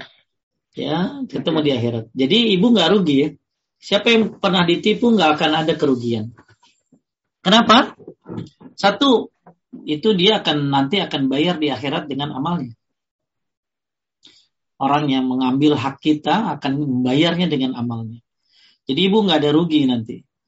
Makanya ibu pesan aja sama dia tuh yang ngambil tuh lu rajin sholat ya rajin puasa yang benar. Ya, ibu suratin tuh, bang, uh, uh, mas atau siapa, saya sarankan anda rajin ibadah, rajin sholat dan lain sebagainya, karena nanti akan saya ambil ibadah tersebut. Seperti itu. Yang kedua, mungkin rezekinya memang semua sampai situ kan. Ya, titipan Allah cuma sampai situ. Yang ketiga, itu nggak ngurangi jatah rezeki Anda kok. Betul? Nggak ngurangi jatah rezeki Anda. Ya, bisa jadi yang terakhir yang keempat ada hikmahnya nanti di belakang. Tiba-tiba dia sadar, dia kembalikan, ya, dan harganya sudah sangat tinggi. Ya, wallahu a'lam. Ya, jadi uh, ibu lihat secara komplitnya di Zayan TV. Saya bikin konten tentang hikmah ditipu orang. Jadi ditipu orang itu orang nggak ada yang rugi ya, masya Allah. Ya, saya waktu itu ditipu orang kan, ditipu orang Terus ya Ustadz aja ditipu ya luar biasa ya. nah, ini saya bilang sama yang nipu, nih ya enggak nggak rugi kok ya nanti kita ketemu di ya bilangin kita ketemu di akhirat urusannya. Itu aja ya, simple. Lanjut. Ya. Kita udah pernah sama-sama ketipu nih Ustaz. Ayo, bismillah. Assalamualaikum Ustadz mau tanya, ada teman saya yang bilang bahwa suaminya dikerjain orang dan dia berobat ke yang disebut dalam tanda kutip orang pintar. Saya sudah bilang coba baca zikir pagi sore atau rukyah karena saya takut mereka jadi jatuh pada kesyirikan walaupun dia bilang katanya si orang pintar ini hanya disuruh tirokat atau baca baca bacaan dari Al-Qur'an. Sebaiknya eh, bagaimana sikap saya Ustadz mau nasihat? Baik, itu orang pintar karena yang datang orang bodoh kali ya ya jadi dia pintar sendiri. Jadi sebenarnya uh, ada orang-orang yang memang dia dia terkelabui terkelabui dengan istilah. Ya istilahnya guru spiritual istilahnya orang pintar apalagi ilmu putih kang. Ada yang lagi ilmu putih dan lain sebagainya. Nah sekarang saya tanya apa yang diajarkan Oh diajarnya tirakat. Nah, tirakatnya kayak apa gitu loh. Ya, tirakat. Ya oh, ternyata suruh puasa mutih supaya makan garam mulu gitu loh. Kasihan banget itu bisa dia bisa darah tinggi dia. Ya, dia disuruh ini, disuruh itu dan lain sebagainya. Nah ini tirakatnya ini tirakat yang kayak apa? Tirakat menyiksa diri, tirakat-tirakat bid'ah.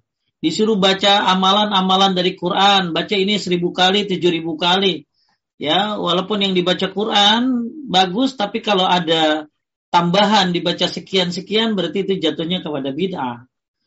Jadi gini, dia udah kena musibah badan, dia kena musibah hati. Ini yang berbahaya nih, Pak. Udah hmm. kena musibah badan, dia kena musibah hati. Dia kena musibah batin. Udah dia kena musibah, eh kecemplung dia kepada kesyirikan, kepada kebidahan. Jadi yang Anda harus bayar sarankan, Anda tanya sama dia, disuruh ngapain? Oh saya disuruh begini, begini, begini, baca ini, baca begini, begini. Anda kasih tahu, nah, ini amalan bid'ah namanya. Ya, udah Anda kena musibah, Anda masuk ke dalam lubang bid'ah. Nah, jadi biasanya orang-orang kayak gitu tuh ng ng ngajarin tuh puasa begini-begini, baca ini, baca ini, baca ini. Ya, dan da, ya saya tahu banyak ya kayak gituan. Mas saya udah hatam berapa SKS kayak begitu ya uh, jadi kayak begitu tuh ujung-ujungnya duit biasanya. Duit aja ujungnya tuh nanti disuruh beli ini beli itu gitu loh jadi amalan-amalannya pasti amalan-amalan tirakatnya itu pasti nyusahin tuh kudu makan ini nyari ini nyari itu kedua disuruh kasih baca zikir-zikir ini ya nah zikir-zikirnya tuh pasti tuh ada bilangannya tuh baca 3333 kali, baca sekian-sekian. Ini dia terjebak kepada bid'ah kayak gitu. Ya, jadi saran saya kasih tahu ya, eh, Anda minta dulu apa yang disuruhnya. Oh, selanjutnya eh, ternyata disuruhnya begini-begini. Eh, saya pasti yakinkan ya, kebanyakan bid'ah amalannya. Ya, kebanyakan amalannya bid'ah kebanyakan. Baik, lanjut. Ya, uh, ini uh, Mbak Tati mau nanya langsung kayaknya bisa. Silakan diambil Mbak Tati. Oke. Assalamualaikum Ustaz Hendra. Waalaikumsalam warahmatullahi wabarakatuh. Nah, saya ini diserai uh, beberapa uh, mu'alaf. Saya pikir dia sudah belajar dengan baik karena saya bodoh dan ngerti mengenai kita ini dengan betul terus terang. Pada waktu uh, korban, uh, si uh, banyak mualaf-mualaf itu lebih generous kadang-kadang karena banyak yang sangat miskin, banyak yang sangat kaya. Saya kebetulan kebagian yang kaya. Terus saya menasihati, kamu tuh keluargamu banyak, uh, satu kambing, kenapa enggak sapi aja? Oh enggak mau, saya enggak apa-apa lima kambing, sepuluh kambing, pokoknya saya enggak mau sapi. Terus semua orang menanyakan saya, dekati dia, kenapa dia enggak mau sapi? Lama-lama saya ojek ngomong dia ternyata karena dia itu kan dari Hindu. Dia bilang itu kan saya masih takut kan itu holy cow, eh, holy eh, binatang yang eh, dihormati di Hindu. Berarti di dalam hatinya dia kan masih ada kepercayaan yang sangat kuat. Hmm. Nah, saya kan tidak bisa mendikte hatinya orang, pikiran orang. Gimana begini ini harus menangani orang macam begini nih begitu loh. Baik. Eh, Jadi ya baik. Oh iya. Jadi sebenarnya ada orang memang lebih menyukai kambing karena dengan kambing ini akan banyak penyembelihan. Ya kan kalau sapi kan diibaratkan dengan tujuh kambing ya Kang ya. Tujuh kambing berarti kalau sapi kan satu sembelihan ya. Nah kalau kambing berarti tujuh sembelihan. Maka ada yang lebih menyukai kambing karena lebih banyak penyembelihannya. Tapi yang jadi masalah, yang jadi masalah adalah jadi harusnya begini, dikasih tahu. Kalau kamu berkeyakinan bahwa menyembelih sapi uh, itu dianggap binatang suci, adalah suatu hal yang terlarang, berarti dia masih ada benih-benih uh, masa lalunya ya, karena dia dari Hindu mungkin.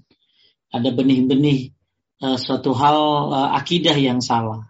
Nah, itu jadi, jadi harusnya ditekankan begini kamu nggak apa-apa kalau mau kambing. Asalkan kamu nggak boleh punya keyakinan kalau sapi itu binatang suci yang nggak boleh disembelih. Berarti kalau kamu berkeyakinan bahwa sapi adalah binatang suci yang nggak boleh disentuh dan lain-lain, berarti ada hal yang harus dibenahi dalam akidah kamu dalam keislaman di sini. Karena Allah Subhanahu wa taala menyuruh menyembelih itu sapi, kambing, ya ada ulama bolehkan seperti Syekh Fauzan kerbau, ya karena sama dengan sapi. Kemudian eh, apa apa onta. Itu aja. Ya jadi ketika jadi dialihkan gini, kan dia punya kepercayaan lain tentang sapi, maka dialihkan begini, nggak apa-apa kambing, nggak apa-apa kambingnya, nggak apa-apa kambing, kambing nggak boleh punya keyakinan, nggak boleh punya keyakinan kalau ternyata sapi itu adalah begini begitu, nah itu jadi jadi harus dikasih tahu keyakinan yang salahnya.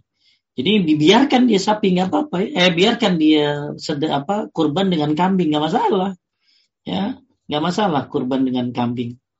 Walaupun satu keluarga kaya raya dia pakai kambing nggak masalah ya nggak masalah. Uh, mau atau kambingnya dibanyakin dua tiga nggak masalah. Cuma yang salah adalah keyakinan dia terhadap sapi tersebut. Maka dikasih tahu ayatnya bahwa bahwa penyembelihan itu yang disuruh adalah kambing, sapi, onta. Nah, ini yang diperintahkan oleh Allah. Maka seorang muslim ya harus meyakini dari firman Allah.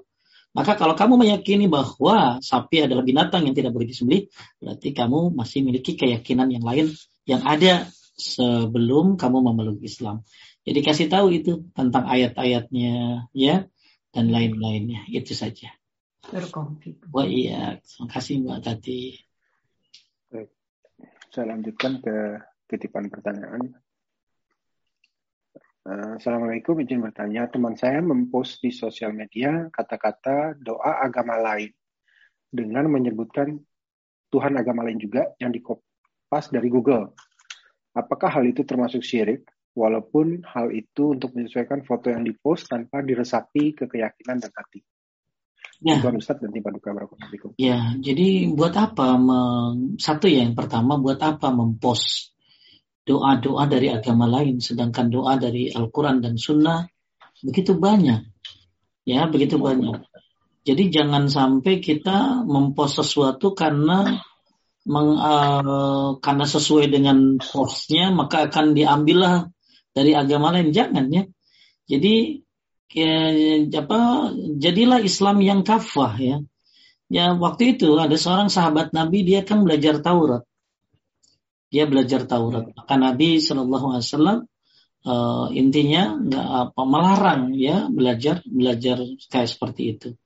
Kecuali orang-orang yang memang apa sih kan namanya uh, mendalami untuk membantah mereka. Ya seperti Zakir Naik ya seperti itu. Jadi intinya uh, kalau dia dia meyakini doa itu ya kepada selain Allah, maka itu bisa bisa jatuh kepada bukan syirik lagi ya kan ya. Dia bisa kafir dia. Karena hmm. meyakini ada Rob selain Allah Subhanahu wa taala. Ya, tapi kalau dia mempost tanpa ada keyakinan dan lain-lainnya, berarti dia menyuruh takutnya kena dalam masalah tasyabuh, menyerupai mereka. Ya, menyerupai mereka. Yang kedua, mentenarkan kata-kata mereka itu yang berbahaya. Mentenarkan kata-kata mereka. Ya, padahal yang harus ditenarkan kan Al-Quran, Sunnah, gitu ya. Banyak sekali. Atau perkataan-perkataan ulama salaf, banyak sekali ya. Cuman mungkin dia minim aja gitu loh ya. Apa yang gak ada di Quran dan Sunnah? Ya, Kemudian apa yang uh, banyak sekali perkataan-perkataan salafus saleh. Sahabat tabiin, tabiin, tabiin yang indahnya luar biasa. Kenapa? Karena bacaan mereka Quran dan Sunnah, maka yang keluar juga indah tentunya. Jadi mungkin orang ini kurang referensi gitu ya, kurang kurang banyak baca sehingga akhirnya ngambil pos-pos dari agama lain yang berbahaya sekali. Uh, satu buat akidah dia, ya. Yang kedua takutnya jadi kebiasaan ngambil lagi, ngambil lagi. Kemudian kita kan tadi hati-hati dengan hal-hal yang kecil ya. Ya hal-hal yang kecil bisa menjadi besar uh, ke, apalagi ada ketertarikan nantinya nantinya dan lain sebagainya. Oke sekarang nggak nggak nggak yakin dia, dia nggak tetap berakidah baik. Tapi yang syubhat namanya syubhat nggak tahu. Tapi intinya kalau dia tidak mempercayai hanya sekedar memposting, dia menyebarkan, menenarkan hal-hal yang tidak sesuai dengan syariat. Yang kedua dia bisa masuk kepada tasyabuh yaitu menyeru, menyerupai. Seperti itu. Tapi kalau dia meyakini ya tentu lain lagi itu hukumnya, lebih parah lagi. Wallahu a'lam. Lanjut.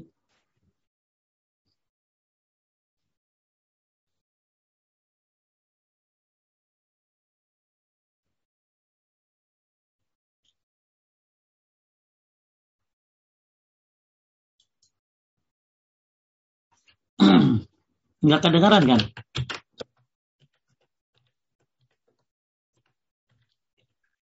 Oh, soal maaf di Bismillah Ustadz, banyak yang tidak disadari bahwa perbuatan tersebut syirik. Bagaimana dengan percaya kalau menanam pohon bidara atau pohon kelor bisa mengusir setan? Syukran, jazakumullah khair Ustadz dan pengurus paduka. Uh, setahu saya ya, apa apa apa saya juga belum tahu ya apa tentang masalah apa pohon bidara ini uh, yang saya tahu tentang khasiat daun apa tadi bidara ya untuk mengusir. Apakah benar daun bidara ini untuk mengusir sihir untuk mengusir jin ya setan? Jadi tidak apa ya tidak dijumpai dalil dari Quran hadis yang menjelaskan penggunaan daun bidara untuk mengobati sihir dan kesurupan jin sebenarnya Hmm. Jadi ini tenar gara-gara satu ustadz ya. Jadi satu ustadz hmm. nyuruh nanam pohon bidara gitu loh. Ya dan lain-lain. Tapi saya nggak tahu ya. Uh, apa apa uh, jadi setahu saya termasuk anda bisa lihat uh, apa saya tidak tahu dalil dari Quran ataupun hadis yang menjelaskan bahwa daun bidara itu ngobatin sihir atau kesurupan jin. Cuma yang ada daun bidara itu fungsinya itu membersihkan tubuh dari kotoran yang sulit hilang. Ya, kayak bekas haid kan. Jadi saya juga bingung ya. Hmm. Mungkin bisa ditanya tuh sama Ustadz itu. Itu dari mana daun bidara bisa ngusir jin? Ya, apalagi daun kelor. Daun kelor di Indonesia doang. ya, uh, jadi iya. kalau uh, kalau daun bidara yang ada itu ceritanya gini itu uh, ketika apa ketika Zainab ya uh, ketika Zainab putri Nabi meninggal putri Nabi Shallallahu Alaihi Wasallam meninggal dunia yang mandiin itu kan namanya Ummu Atiyah. Ummu Atiyah itu kan mandiin tuh. Maka Nabi nyuruh Ummu Atiyah untuk iksil naha salasan au khomsan au aksar ya jadi uh, in ra'aitunna zalika bimain sidrin, bimain sidri wasidrin. Jadi disuruh Ummu Atiyah itu, Ummu Atiyah ini uh, orang yang suka ngurusin jenazah ya, perempuan ya. Cucilah jenazah itu tiga, lima, boleh lebih dari itu jika dibutuhkan dengan air dan daun bidara gitu. Jadi daun bidara itu buat bersih-bersih Kang. Buat hmm. bersihin daun apa? Buat bersihin mayit ya. Makanya kalau di Indonesia kan daun bidara nggak ada. Ini diganti pakai sabun bersihin apa tadi? Bersihin mayit itu. Ya, ya. Uh, terus juga uh, apalagi ya? Uh, orang yang mandi haid. Orang yang mandi haid ya uh, Nabi nyuruh wanita haid dalam hadis riwayatkan oleh Abu Daud uh, tak khusus sidroha wa ma'aha patawaddu summa tagsilu ra'saha wanita itu bisa mengambil apa tadi daun bidara, lalu dicampur air, lalu berwudu, kemudian mencuci kepalanya. Tuh, jadi daun bidara tadi buat mandiin jenazah, kemudian daun bidara untuk nyuci darah haid, ya, e, dan termasuk fatwa dari Syekh bin Bas. Ya, fatwa dari Syekh bin Bas. Nah, e, tentang apa? Ya, e,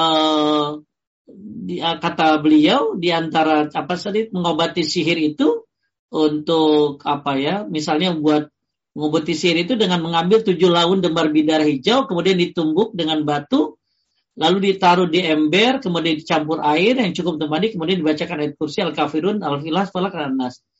Uh, nah ini ini fatwa dari Syekh bin Bas. Jadi kalau dari ayat dan hadis saya sih nggak tahu ya ada ayat atau hadis yang menerangkan daun bidara untuk apa tadi? Untuk musir sihir dan jin. Cuma ada fatwa dari apa tadi? Uh, Syekh bin Bas tentang cara mengobati sihir. Di antaranya adalah dengan apa tadi? Dengan yahuzu sab'a warakat min sidrin. Ya min sidril akhdar. Jadi dengan bidara yang daun bidara yang hijau. Tujuh lembar daun bidara yang hijau Kemudian juga ada keterangan-keterangan yang dari ulama ya, uh, dari ulama lain tentang masalah tersebut. Jadi uh, saya nggak tahu kalau nanam pohon bidara. Lagian kalau nanam kagak dibacain ayat kursi apa? ya, jadi sekali lagi saya tekankan, yang ada fatwa, ada fatwanya, fatwanya, fatwa ya, pakai daun bidara untuk ituin orang kena sihir. Tapi dibacain, dibacain apa Kang? Ayat kursi, dibacain ya uh, muawizat, kulu falak anas gitu loh. Nah sekarang Anda nanam, Anda nanam gitu loh, nanam hmm. terus ya. Jadi yang hampuh itu bacaannya, bacaannya. Dan kalaupun memang daun bidara itu dibolehkan tadi dengan tujuh lembar kata fatwa dari Syekh Syekh apa bin Bas ya maka kemudian dibacakan ya yang hebat ya bacaannya gitu loh. Nah sekarang pertanyaannya kalau ada orang nanam pohon bidara mau non kelor dengan keyakinan bisa mengusir jin, saya sih itu menurut saya keyakinan yang yang mungkin yang yang salah ya salah karena tidak ada dalil dari Quran dan hadis. Kalaupun ada fatwanya yaitu dia akan lebih manfaat kalau dibacakan apa tadi kan uh, ayat kursi dan lain sebagainya. Ya, uh, apa mungkin bisa ditanya kepada ustadz lain, boleh nggak nanam pohon bidara itu memang ini uh, sihir apa ayatnya apa hadisnya? Jadi yang ada hadisnya itu buat head bersihin darah head atau buat mandiin jenazah. Ya, gitu. Allah alam. Sekarang banyak yang nanam kan pohonnya. Nanam pohonnya gitu, nanam pohon bidara jualnya mahal lagi mahal banget ya. Eh, nggak uh, tahu tuh ada intrik bisnis atau nggak ngerti saya ya coba nanti kita cari di sini siapa tahu ada. Lanjut. Baik. Uh, ini pertanyaan di luar topik. Bismillah Assalamualaikum Ustaz. Ya, izin bertanya bagaimanakah bila ada rumah yang dimiliki oleh seseorang yang sudah wafat? Katakanlah A. Uh, namun ditinggali oleh adik kandung si A dengan berjalannya waktu karena kondisi keuangan, istri si A meminta izin kepada adik kandung A yang tinggal di rumah tersebut untuk pindah karena rumah tersebut akan dijual untuk pemenuhan kebutuhan. Dan akhirnya rumah tersebut memang dijual. Dengan kasus seperti ini hukumnya bagaimana ya Ustaz? Nah, kan rumah siapa? Itu kan rumahnya uh, ya, A. Ini seorang yang sudah wafat sebut si A, tapi ditinggali oleh adik kandung si A ya sebenarnya kan itu harus milik ahli waris ya kan? Ya. Ya, terus akhirnya istri si A meminta izin kepada adik kandung A. Istri si A oh tinggal di rumah itu pindah, nggak apa-apa. Ya, nggak apa-apa ya, karena memang itu kan hak anak-anaknya dan istrinya kan. Ya, ya. jadi nggak apa-apa, cuman bilangnya baik-baik. Ya ini mau dijual gitu loh ya kan itu hak hak istrinya dan anak-anaknya ya nggak apa-apa bu. Ya. ya gitu. Lanjut. Ini ada dua pertanyaan. Jadi mungkin saya tutup terakhir untuk dua pertanyaan terakhir. Ini pertanyaannya berbeda Ustaz. Jadi kita bahas satu persatu aja. Pertanyaan pertama, Assalamualaikum warahmatullahi wabarakatuh. Ustaz, izin bertanya, kalau ada yang kerja di gereja, ngechat sampai tanda salib di pintu, sampai sampai tanda salib di pintu itu dicat, itu gimana Ustaz? Ya lebih baik jangan, ya tahun kayak begitu. Ya tahun dalam ke apa dalam kemaksiatan. Akhirnya kan jadi memperindah kan? Memperindah, ya, ya. bikin orang jadi senang. Nah ini Anda pembantunya. Jadi lebih baik jangan ya. Terus Nanya ter pertanyaan terakhir nih Ustaz. Awan Ustaz pernah dengar pengobatan dengan kopi tanah untuk menjadi penawar racun dengan cara sebagai berikut. Dua, tiga sendok makan tanah, segelas air putih, kemudian diaduk hingga merata. Diamkan sejenak saja 5-10 detik, kemudian diminum. Endapan yang ada tidak perlu ditelan. Racikan penawar racun ini sering kami sebut sebagai kopi tanah. Apakah ini termasuk syirik, Ustaz? Ini nanyanya sama harusnya sama ini apa? dokter ya, Ustaz. Bukan sama ahli kopi. ahli kopi, Ustaz. Begini Bapak Ibu, bagusnya ini harus ditanya kepada ahlinya, dokteran. Jadi kan pengobatan itu kan ada ada tiga ya, pengobatan pengobatan syar'i yaitu Quran, hadis, pokoknya yang ada di Quran hadis ada zaitun, madu. Kemudian pengobatan kauni, kauni itu ilmiah. Kauni itu ilmiah. Ya jadi bagusnya ditanya sama dokter sama ahlinya, benar nggak nih pengobatan kayak begini? Ya pengobatan kayak begini itu apa? Tanah begini-gini diaduk begini-gini dan lain-lain Nah, maka biar ahlinya yang ngomong. Oh ini ternyata ilmiah loh. Dalam tanah ini ada begini, ada begini, ada begini, begini. Maka itu jadi pengobatan kauni. Kauni itu ilmiah. Jadi ilmiah ini kan, kauni ini ilmiah ini berarti berdasarkan penelitian. Berdasarkan penelitian, rekomendasi, dan lain-lain yang memang sesuai dengan dengan dengan il, keilmiahan gitu loh. Jadi bukan karena perasaan nggak boleh. Jadi lebih baik tanyakan kepada ahlinya, yang mungkin ahli herbal ya, ahli herbal. Bisa aja nanya sama siapa tuh? Siapa yang suka banyak itu tuh? Dokter. Ya, siapa yang Bahrain atau ya apa dokter ya Hinarlah Bahrain Zaidul, uh, Zaidul Akbar atau Ustadz itu Ahmad Dani itu Ustadz Ahmad bukan Dani itu ya ya ini Dani ini ya apa Ustadz Ustaz Ustaz Dani ya seperti itu ya. Nah, itu bisa tanya tuh dia dulu itu pengobatan di Yaman dia tuh. Ya, eh, siapa sih nama komplitnya tuh belakangnya Dani Dani gitu lah. Nah, dia juga pengobatan. Tanya sama ahli herbal. Kalau dokter kan takutnya, oh enggak nih, enggak benar. Ah, coba sama herbal deh. Jadi kalau saya nggak ngerti itu perkara apa, ya nggak ngerti. Jadi kalau memang ternyata benar secara ilmiah itu ada kandungan yang manfaat dan lain sebagainya, berarti itu nggak syirik, itu pengobatan pengobatan kauni namanya, ya pengobatan uh, kauni. Uh, tapi kalau ternyata nggak benar ya ditinggalkan ya, tentunya itu berbahaya nantinya. Wallahu a'lam. Baik, uh, alhamdulillah pertanyaan-pertanyaan untuk malam ini sudah habis Ustaz, jadi mungkin kita bisa tutup Ustaz. Bapak Ibu sekalian muliakan Allah, satu bab sudah kita bahas tentang uh, bagaimana penyembelihan. Ya, penyembelihan ini adalah tanda syukur. Salat adalah tanda syukur dan nyembelih juga tanda syukur. Kenapa kita bersyukur kepada Allah? Karena Allah berikan kita banyak sekali nikmatnya. Maka ya hati-hati dalam masalah penyembelihan. Karena sholat adalah ibadah yang besar dan penyembelihan pun ibadah yang besar maka jangan dipalingkan kepada selain Allah ya maka harus kepada untuk Allah Subhanahu wa taala. Kemudian kita juga berharap bisa bertemu lagi dengan Idul Adha ya mudah-mudahan bisa berkurban lagi karena itu ibadah yang besar. Kemudian kembali lagi bahwa kurban itu ada kurban yang biasa, ada kurban yang ibadah.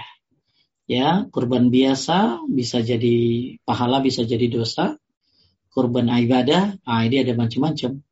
Ada yang bersifat syar'i, ada yang bersifat uh, bid'ah, ada yang bersifat syirik.